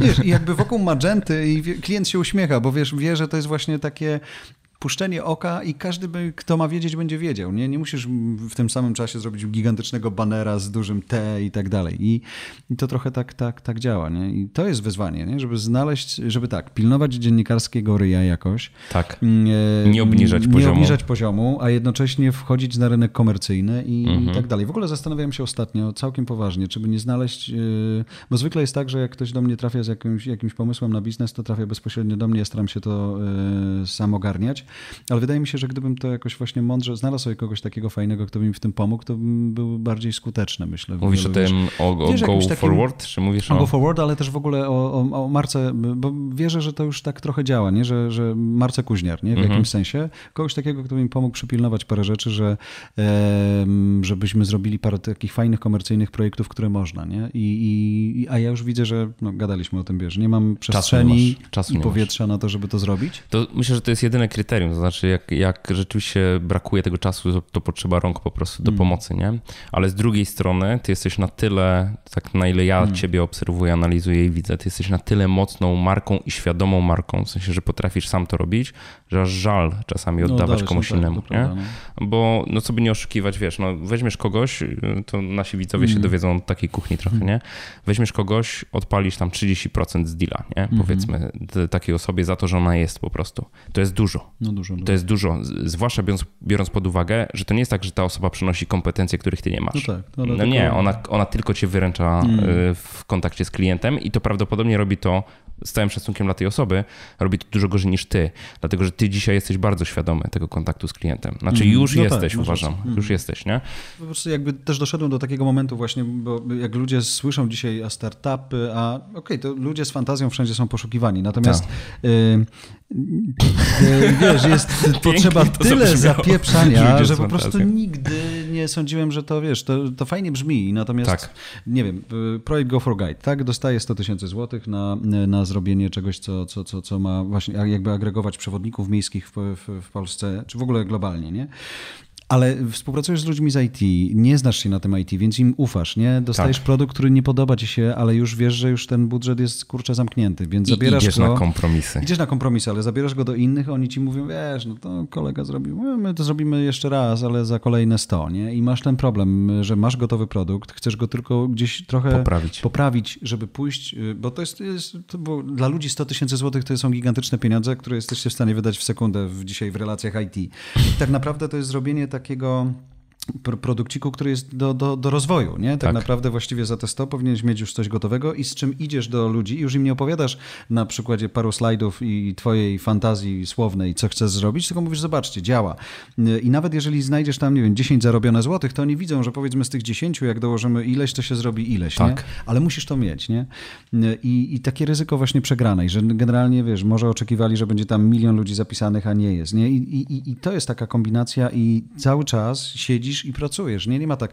Pilnujesz wszystkiego a, i, i, jesteś dla wszystkich. Musisz y, zrobić to, co jak ja słyszę, wiesz, KFC, McDonald's, ludzie reagują na to zawsze, e, mega korpo, ale fajne jest to w tych firmach, że jeżeli ty chcesz później zarządzać ludźmi, to musisz wiedzieć, jaki problem ma ta dziewczyna, która ci się odzywa Która w głośniku. olej musi zmienić. Dokładnie. I tak, mówi, halo, słucham w McDonaldzie, co tam, co tam pan zamawia, to ty musisz tą dziewczyną być przez chwilę, żeby później Dokładnie ewentualnie tak. opieprzyć, nie? Dokładnie tak. I, i to samo jest w, w takiej własnej działalności, nie? Że, że, że jeżeli ja... Mm, Procesy musisz wypracować sam, tak, po no. to, żeby móc je przekazać komuś innemu, kto się nimi zajmie mm. i będzie rozwijał, no. nie? Ale jakby ta podstawa musi być. Ale też nauczyć się tego, że dzisiaj, ja wiesz, tu przed wyjazdem do ciebie otwieram maila i mówię, Danusia, e, w poście mówiącym o tym, że zostały nam trzy bilety lotnicze do Gruzji, jest za dużo tego, tutaj tego, powtórzyłeś tak. słowa, mail nie taki, wiesz, i to są tak, ale to jest fajne, że mi się już udało z, tak zrobić, że wiesz, ja to wysyłam, i później już nie muszę o tym mówić znowu. Nie? Najbardziej mhm. wkurzające są sytuacje takie, że tak, zapieprzasz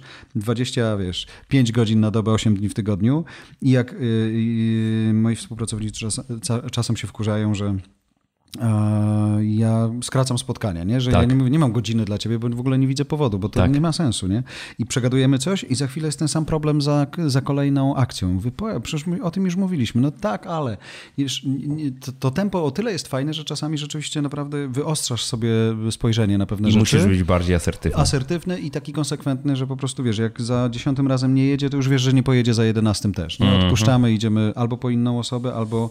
no tak, no najczęściej tak, nie? bo to po prostu prostu nie ma czasu na no to, żeby powtarzać Cała sztuka rzeczy, się sprowadza do tego, żeby nie za dziesiątym razem się no tak, przekonać, tylko dokładnie. za drugim, trzecim. To jest nie? gigantyczna oszczędność no, czasu. Nie? No. Ach jo. Wrócę do tej telewizji tak. i do tego przejścia do, do Onetu, bo pamiętam, że ty, yy, bo ty w Onecie robisz Onet rano. Onet mhm. rano to jest jeżdżenie samochodem z gośćmi, gdzie jakby studio jest mobilne, mhm. bo studio jest tym mhm. samochodem. E, ale wcześniej robiłeś to samo ze swojego samochodu. Mm. Co prawda jedna kamerka, bo mm, robiłeś to z telefonu, tak. robiłeś to na periskopie. Dojeżdżając do studia TVN, rano włączałeś mm. się o jakieś... A, Siódm, szósta... 7.45. Nie, czekaj, Co ty mówisz? 6.45 tak. właśnie. Jakieś... A jak było 47, to były pretensje widzów. Dokładnie wiesz, tak. I dojeżdżałeś tam w pół godziny do studia i, i miałeś tą półgodzinną mm. transmisję, nie? I teraz tak się zastanawiam, na ile w...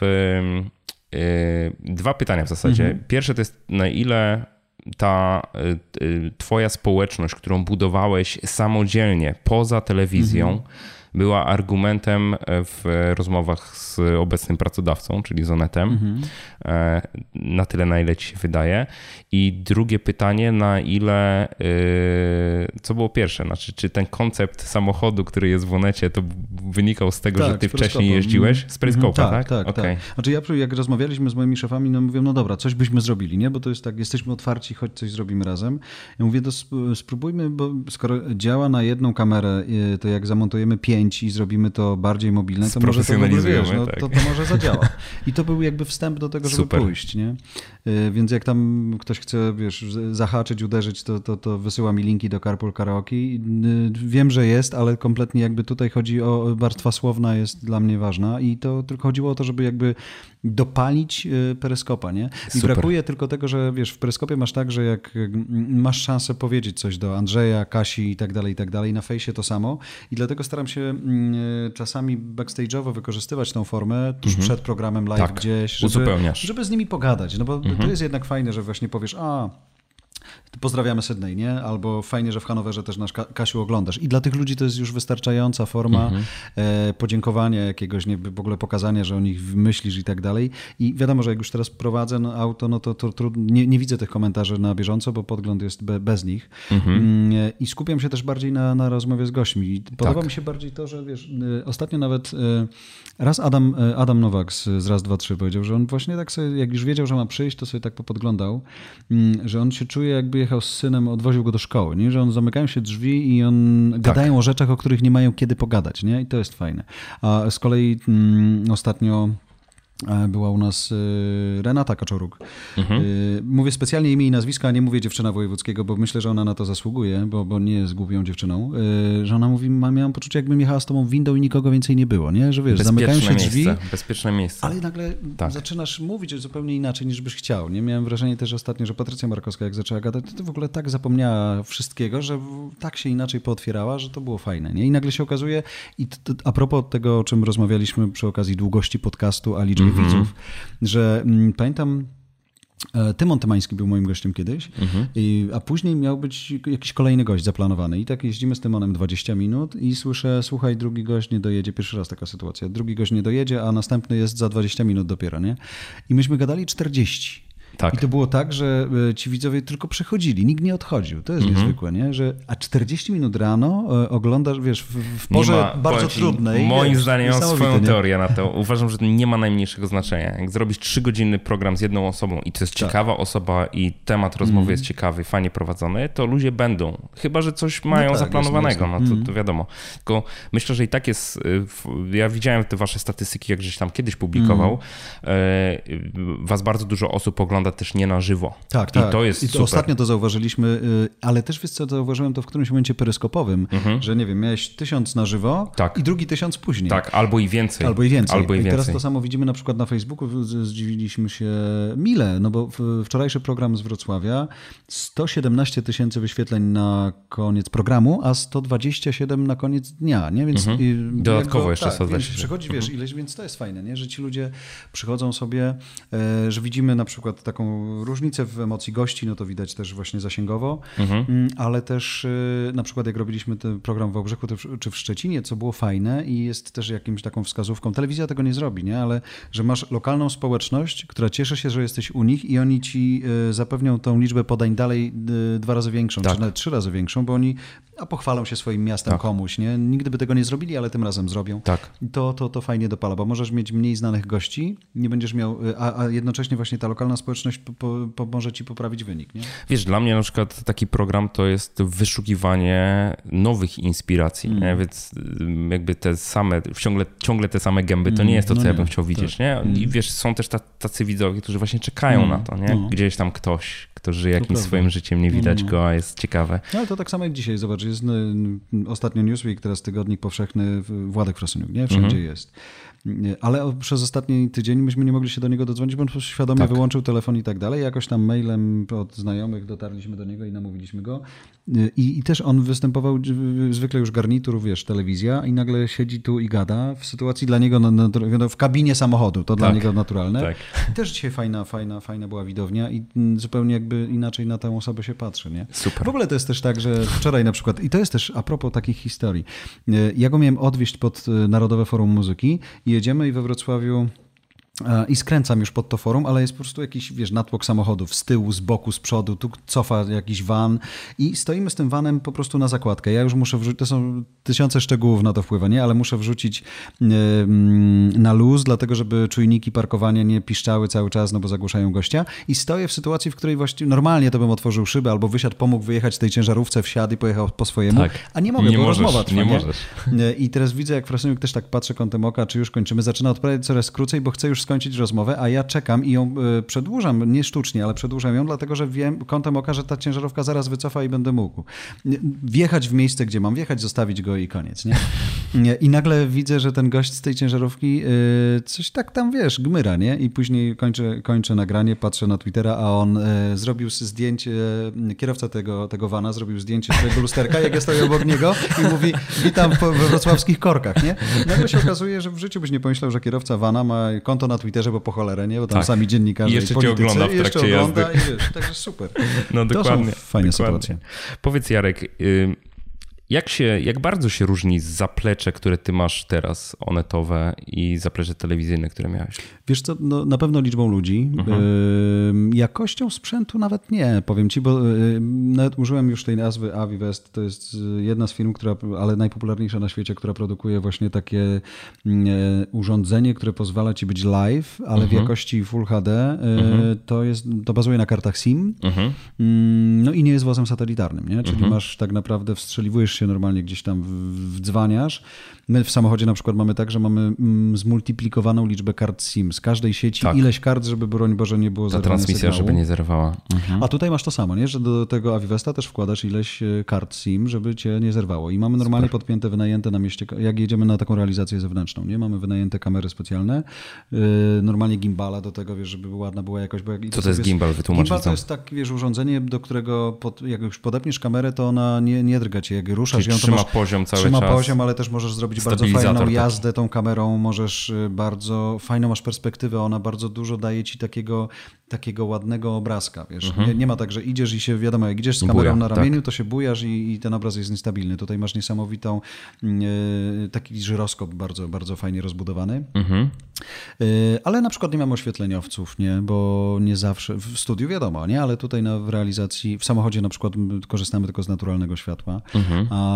Na planie też, ale mm, dźwiękowiec normalnie jest, wiesz, dwóch operatorów, no to powiedzmy, że byłoby normalnie w telewizji jeszcze dwóch, powiedzmy, nie? No ale, ale, ale, ale do, dokładamy sobie zdjęcia dronowe czy inne, więc na pewno liczba ludzi, mm, ale nie mam wrażenia, żeby jakość sprzętu była inna. Fajnie oczywiście, żeby była, to są już takie szczególiki, ale komunikacja ludzi, nie? W telewizji masz tak, że jak jesteś z wozu satelitarnego coś robisz, no to każdy z operatorów ma jeszcze tak zwane mm, sterowanie podpięte i na przykład mhm. widzisz, że która kamera ci się zapala na czerwono, wtedy wiesz, Czyli że, że jesteś. Patrzeć nie? po prostu. Mhm. Ale, y, a tutaj tego nie masz, nie? Albo, że każdy z operatorów ma słuchawkę i y, z wozu to jest realizowane, oni wiedzą po prostu, kto jest na żywo, a kto nie będzie na żywo, nie?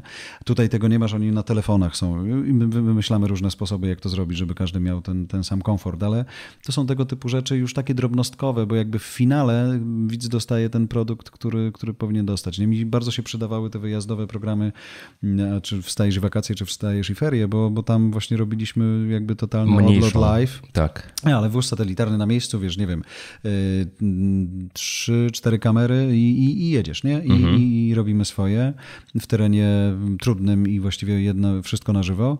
No a tutaj robimy to też, wiesz, po prostu ja zaczynam sobie, tak jak wczoraj na rynku, wiesz, zaczynam idąc sobie do swojego mobilnego studia, mm, robię przegląd prasy, za chwilę podchodzi do mnie prezydent Wrocławia, z nim idę sobie w ogóle na spacer po rynku, kamera obok nas, później wsiadam do studia, tam już mam dwie kolejne osoby, jadę z nimi gdzieś tam, wysadzam je na moście miłości, czeka na mnie Biedroń, z Biedronem sobie idę po moście miłości, wsadzam go do auta, odwożę go w ogóle na, na kongres i rozmawiamy i tak dalej, łączymy te światy i co jest fajne, że okazało się, i to też patrząc na rozwój tego projektu, że, że to, to, to było ważne, mm, że to studio mobilne jest jakby mm, jednym z elementów, nie? A nie, że mhm, się upierasz mhm. i że wszystko będzie tam robione, tylko że możesz właśnie korzystając no, z nadawania live, wiesz, co chwilę gdzieś tak. coś, nie?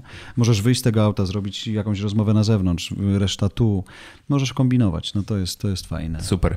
E, minimalna ekipa taka do robienia telewizji Ojejku, dzisiaj. wiesz co, no to tak liczyliśmy ostatnio, to dwóch realizatorów, masz dźwiękowca, wykonawca, masz dwóch operatorów, no musi być z 10 osób na pewno, nie? Bo mhm. jeszcze masz producenta, make-up, liczę też takie osoby, bez których to, to, to nie pojedzie, nie? No.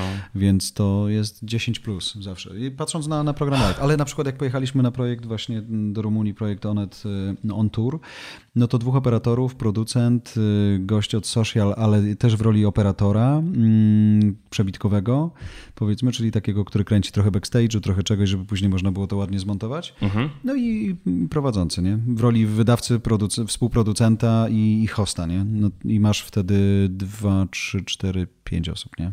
I to się da zrobić da się zrobić. Generalnie dwa, dwie kamery to minimum, minimum Dwie kamery minimum, mhm. ale też dzisiaj to jest też tak, że masz, ja teraz w Rumunii mieliśmy tak, że no, dwóch operatorów, ale jeden operator był jednocześnie operatorem drona, nie? więc było dużo takich sytuacji, że w którymś momencie w, na trasie transfogarskiej na przykład zatrzymujemy się, on normalną kamerę zostawia, włącza drona, mhm. ja kręcę, robię jakieś rzeczy samochodem gdzieś tam, bo akurat to też chodziło o to, żeby e, producent, w drodze, w drodze pokazać i tak dalej, no i on wtedy dronuje, nie? więc masz w sumie trzy kamery, nie? Plus ta czwarta to jest właśnie ten gość, który załatwia cały czas Insta Stories, Snapy mm, i sociale i on jednocześnie kolejną normalną kamerą, też już nie telefonem, mm, kręci jakiś taki backstage, żeby takiego trochę fajnego brudu gdzieś tam było, nie? No także to, to masz w sumie cztery kamery, nie? Fajnego brudu, no, fachowe tak, określenie, tak, tak czyli działa, no. te wszystkie przebitki i tak dalej, nie? No, ale ludzie, wiesz, to, to zawsze jest to fajne, nie?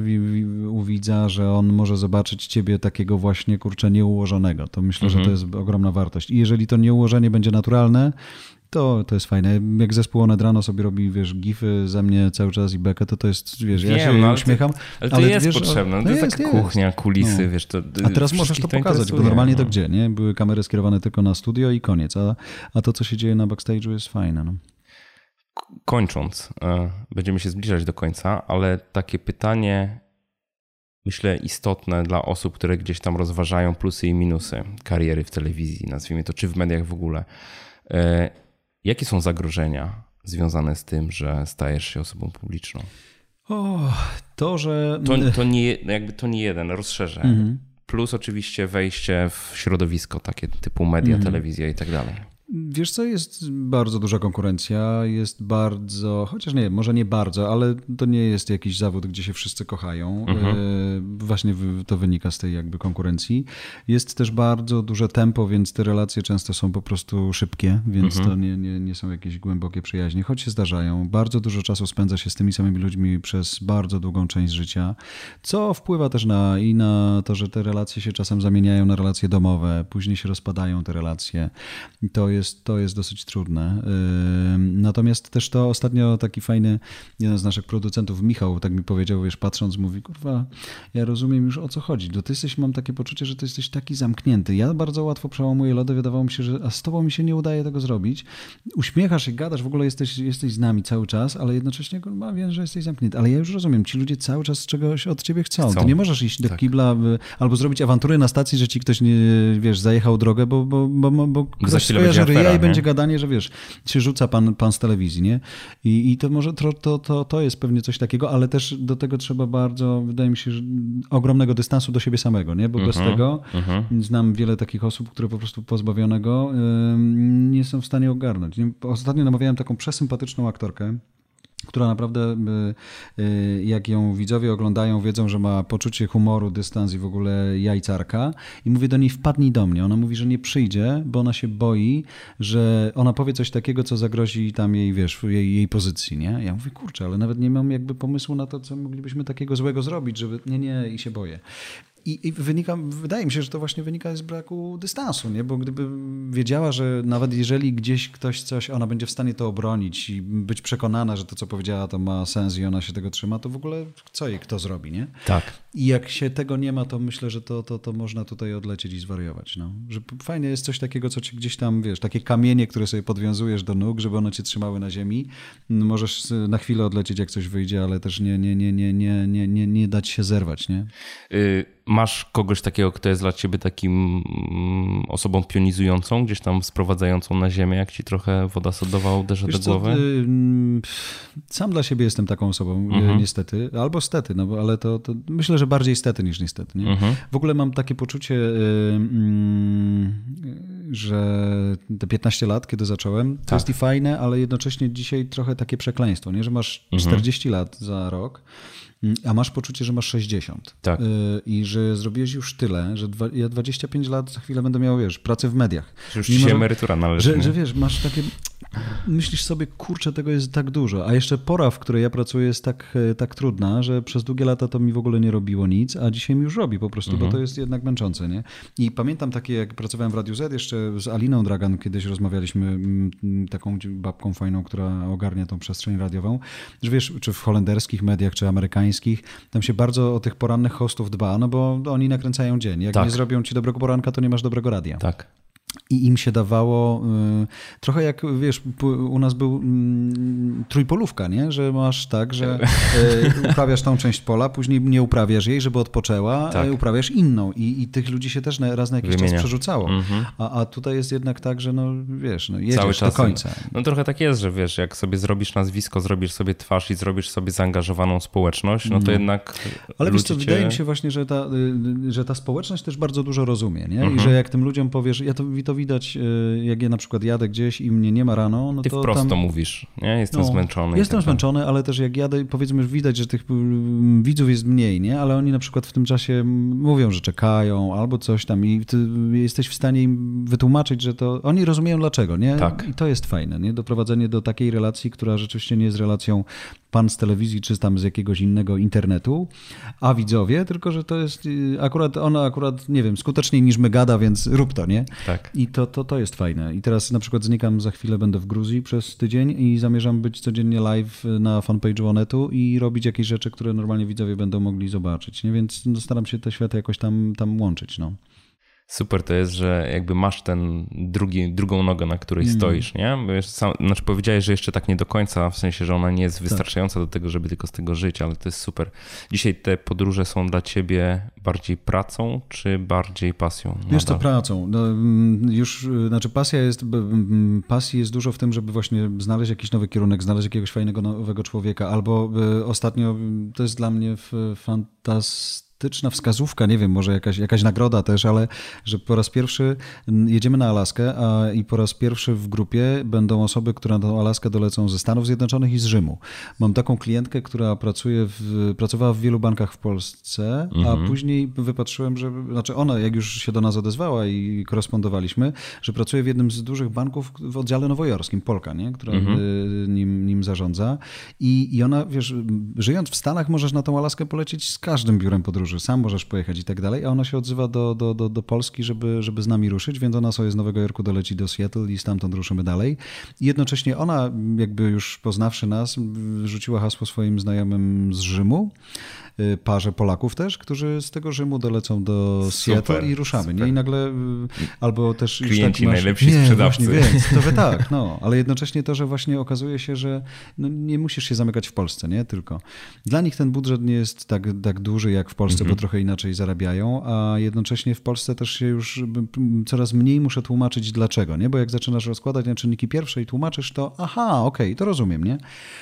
Ale jak e, widać, nawet teraz zrobiliśmy tak, że wyjęliśmy cenę biletu lotniczego z ceny wyprawy i mówimy, możesz polecieć z nami, albo jeśli Sam chcesz lecieć trzy dni, to transport. sobie leć w ogóle. Może masz tak. bile, wymień to na bilet, tylko przyleć w tego i tego dnia, poczekamy na ciebie, nie? Tak. nagle się okazuje, że ci wyprawa, cena spada o 9 tysięcy złotych i ktoś mhm. mówi, jak to? No tak, bo zobacz, to, to i to i to. A, no tak, nie? I już jest zupełnie inna rozmowa, więc to Super. trochę łatwiej.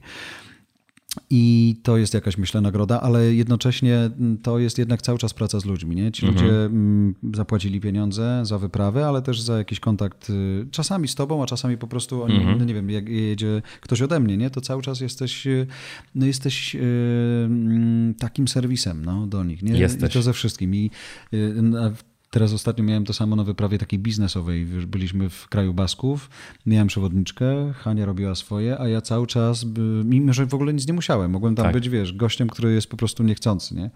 Mm, ale cały czas jesteś gdzieś w tej grupie, cały czas słuchasz, żeby wyprzedzić to, czego oni za chwilę zażądają. się do następnych wyjazdów też, nie? Też, Ten feedback zbierasz. Ale też wiesz, tak oni tu ci zaczynają o czymś mówić i ty już musisz wymyślić sposób, w jaki to utniesz albo w jaki to rozwiążesz yy, i tak dalej, i tak dalej, nie? I mm, no i to jest cały czas praca, nie? Tam nie, nie, nie, w ogóle nie, jak po takiej wyprawie masz ochotę wyjechać na, na odpoczynek, nie? Więc to, to, tutaj, to, tu, to wtedy jest, praca. wiesz, no, praca, praca. Z ludźmi cały czas. Ostatnie pytanie, Jarek.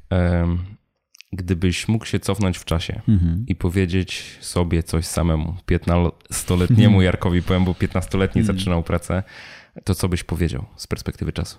O, wiesz co, chyba bardziej uważaj na, na swoje emocje. W mhm. tym sensie, że ja byłem tak zafascynowany tym, że mogę mówić, mogę pracować w radiu, mogę zarabiać jakieś małe pieniądze, które dają mi jakąś tam małą niezależność, mogę się wyrwać z domu i pojechać do kolejnego miasta, z tego kolejnego miasta do kolejnego, ale kompletnie zapomniałem o tym, żeby właśnie sobie przygotować e, niszę, gdzieś takie mhm. miejsce, zanim jeszcze była rodzina i tak dalej.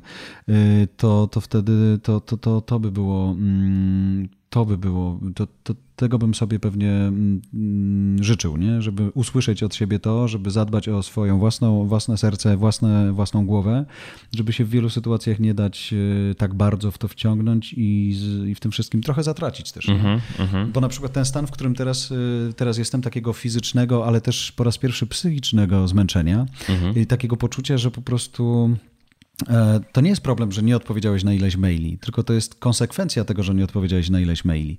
I yy, taka, taki strach, jakiś kompletnie, wiesz, nie, nie, nie, nie, niezrozumiały dla mnie, że ja już nie zdążę i że to może jakoś się źle skończyć, nie? I, a jednocześnie ja już wiem, że ja już po prostu nie ma jak. Więcej nie, nie ma jak, tak. I, i, i to jest jakaś taka nowa sytuacja, z którą muszę sobie poradzić, ale ona też wynika, być może gdybym, wiesz, wcześniej wiedział, że powinienem inaczej planować sobie czas, inaczej z, być bardziej asertywnym, nie? Mhm. Częściej mówić nie w niektórych sytuacjach, a ja mam ten problem, może wynika z jakiegoś kompleksu, że ja staram się, jak matka kazała, y, być y, mm, zawsze na tak ze wszystkim, nie? Y, I czasem ludzie z ekipy mnie zabierają i mówią, dobra, już dosyć, nie? A jak ktoś jeszcze, a jeszcze jedno zdjęcie, a jeszcze mam taką sprawę, chętnie bym z panem pogadał i ja się zatrzymuję i słucham, no bo, bo, bo, bo nawet nie chodzi o to, co pomyślą, ale wyobrażam sobie, że mój zawód jest taki, że ja jestem tam dla tego kogoś, nie? Ja tak. mam, to jest mój widz, to jest moja, no w jakimś sensie mówiąc brutalnie, waluta, tak? Przed tak. szefami, przed wszystkimi. I musisz się nim zaopiekować, bo inaczej to, to, to, to nie pojedziesz daleko, nie? Ach jo, ale mhm. czasu mamy 24 godziny tylko. No, tak. E, Jarku, tak. ostatnia rzecz, gdzie cię można znaleźć w internecie, jakbyś te Jezus, wszystkie adresy mógł przypomnieć? Jestem na, na Facebooku i to w dwóch przestrzeniach. Jedna należała kiedyś do Wstajesz i wiesz, ale ponieważ sam ją założyłem w konspiracji przed szefem i on, y, y, i on tego w ogóle później nie pilnował, to odchodząc z firmy pomyślałem, że, że to moje, nikt tego w ogóle nie będzie pilnował, więc zabieram i to się nazywa Jarosław Kuźniar Live i staram się tam, to jest bardziej fanpage mhm. i Jarosław Kuźniar po prostu, prywatnie prywatny. Mm, jestem na Twitterze jako Jarosław Kuźniar, jestem na Instagramie. Staram się właśnie nie być pod żadnym nikiem, bo to tak, w ogóle nie pomaga. Nie jestem pod imieniem i nazwiskiem mhm. wszędzie. Na YouTubie e, raczej nie, ale z uwagi na to, że współpracuję z Onetem i nie jest to, nie, nie, nie, nie, nie robię konkurencji. I na Instagramie to już wspomniałem, na Snapie też jestem, bo mnie trochę Arlena do tego namówiła, ale też widzę, bo coraz częściej wchodzę w relacje biznesowe z markami, które chcą, żebym coś zrobił. Mhm. E, I co też jest fajnym, wydaje mi się, że oni właśnie jakby Mm, mówią, zróbmy coś, ale na Twoich warunkach, nie? Tak. Więc wiem, że te przestrzenie są ważne i też widzę, na Snapie, jak na przykład fajnie działa sobie National Geographic albo CNN. Dla mnie to mhm. nie jest gimbazowa aplikacja, tylko to jest jakby inny rodzaj komunikacji, nie? Chociaż i to taka jest tendencja i zdaję sobie z tego sprawę, pewnie prędzej czy później tego Snapa o, za, za, zabije Insta Stories, ale, ale mhm. tam też staram się pilnować. Widzę po zasięgach w ogóle, jak fajnie ludzie, wiesz, oglądają. Yy, nie tylko foty, które wrzucasz, ale jednocześnie właśnie takie, czy to krótkie wideo, Historyki. czy coś takiego, co jest, wiesz, taką tak. właśnie snutą historią. No i w tych miejscach jestem. E, biznesowo. A, i ostatnio, przepraszam cię jeszcze, bo od, no, właśnie patrząc na biznes, y, pomyślałem, że coś, co lekceważyłem bardzo długo, LinkedIn powinien mm -hmm. być mhm. takim miejscem, gdzie ja też powinienem być, nie? Więc jestem jako Go Forward, jestem jako Jarosław Kuźniar i uczę się tego, patrzę, jak to, jak to działa, nie? Zdaję sobie sprawę, że to jest zupełnie inna społeczność y, i nie wiem, na ile ja mogę właśnie im pewne rzeczy y, dosłownie sprzedać, a na ile powinienem tam tylko się dzielić jakimiś emocjami, więc uczę się tego. No i Go Forward to jest e, GoForward.com. Go tak, taka przestrzeń, mhm. gdzie rzeczywiście staram się pakować małe grupy na, na intrygujące wyprawy warsztatowe. Mm, no i śmigam po Onecie. Onet to serdecznie też zapraszam Was na fanpage nasz i tam macie wszystko w jednym miejscu, bo, bo normalnie po, w Onecie jesteśmy porozrzucani w różnych, w różnych brandach. I chyba wszystko na razie. Super. Dzięki Jarku. Ja też bardzo dziękuję. Trzymaj się, do zobaczenia. do zobaczenia. Dzięki wielkie Jarek za przyjęcie zaproszenia do mojego podcastu. Obiecałem wam na początku, że mm, podzielę się moimi wnioskami po tej rozmowie i jeden generalny wniosek, który mogę powiedzieć, to jest coś takiego, pod czym ja się również obydwoma rękami podpisuję, że czasami to jest tak, że nam się wydaje, że trzeba mieć jakieś niesamowite szczęście albo tak zwane mocne plecy, e, czyli jakichś niesamowitych sprzymierzeńców, którzy pomogą nam w tej naszej karierze. Że żeby być takim docenianym profesjonalistą w swoim fachu, czy, czy nawet taką osobą, która zdobywa pewną popularność, to właśnie takie wsparcie innych jest nieodzowne, że sami sobie z tym nie możemy poradzić. A myślę, że historia kariery Jarka Kuźniara pokazuje, że wcale tak nie jest, że wystarczy być osobą pracowitą, otwartą, gotową do tego, żeby w takich y, kluczowych momentach swojej kariery wykonać kilka kroków ekstra. Takich kroków, które pozwolą nam sięgnąć po, po to coś, co początkowo nam się wydawało nieosiągalne i niedostępne. I też myślę, że z tej rozmowy płynie taki wniosek, że nie ma drogi na skróty, że to wszystko wymaga pewnej sekwencji zdarzeń. Czasami trzeba poświęcić coś, a nawet bardzo dużo poświęcić, żeby móc osiągnąć coś więcej w przyszłości. Że zobaczcie, ile takich mało spektakularnych prac czy zajęć musiał wykonywać Jarek, żeby dotrzeć tu, gdzie jest. I ja się cieszę, że mam podobną historię, bo jeżeli słuchaliście setnego odcinka podcastu, to dobrze wiecie, że bardzo wiele rzeczy, które w swoim życiu robiłem, to były takie, można powiedzieć, drobnostki, z których kleiłem swoją rzeczywistość, ale dzięki tym drobnostkom byłem w stanie posuwać się coraz dalej i stawiać sobie coraz, można powiedzieć, ambitniejsze cele, ale nawet nie z taką świadomością, że je sobie stawiam świadomie, tylko po prostu podejmuję się realizacji, nie bojąc się porażki mówiąc zupełnie wprost, nie bojąc się tego, że coś może pójść nie tak. Dlatego, że te konsekwencje tego, że coś może pójść nie tak, wcale zazwyczaj nie są tak straszne, jak nam się wydaje. Ja uwielbiam rozkładać takie kariery jak Jarka na czynniki pierwsze i widzieć, że tam nie ma nic specjalnego, tam nie ma żadnych cudów, jest za to bardzo dużo pracy, bardzo dużo umiejętności budowy dobrych relacji z innymi. I też chcę od razu podkreślić, że nie ze wszystkimi, ale z tymi osobami, z którymi widzimy jakąś tam wspólność myśli, wspólność działań, z którymi jest nam po prostu y, po drodze, ale też, żeby się nie zamykać na innych. I to tyle na dzisiaj. Przypominam, że całą naszą rozmowę znajdziecie także na YouTube, a notatki do tego odcinka podcastu opublikowałem pod adresem jakoszczędzaćpieniądze.pl ukośnik 102. A teraz dziękuję Ci już za wspólnie spędzony czas. Życzę absolutnie super wakacji tym wszystkim, którzy na wakacje wyjeżdżają w tej chwili, albo już na nich są, albo za chwilę będą. I życzę skutecznego przenoszenia Twoich celów finansowych na wyższy poziom. Trzymaj się, do usłyszenia.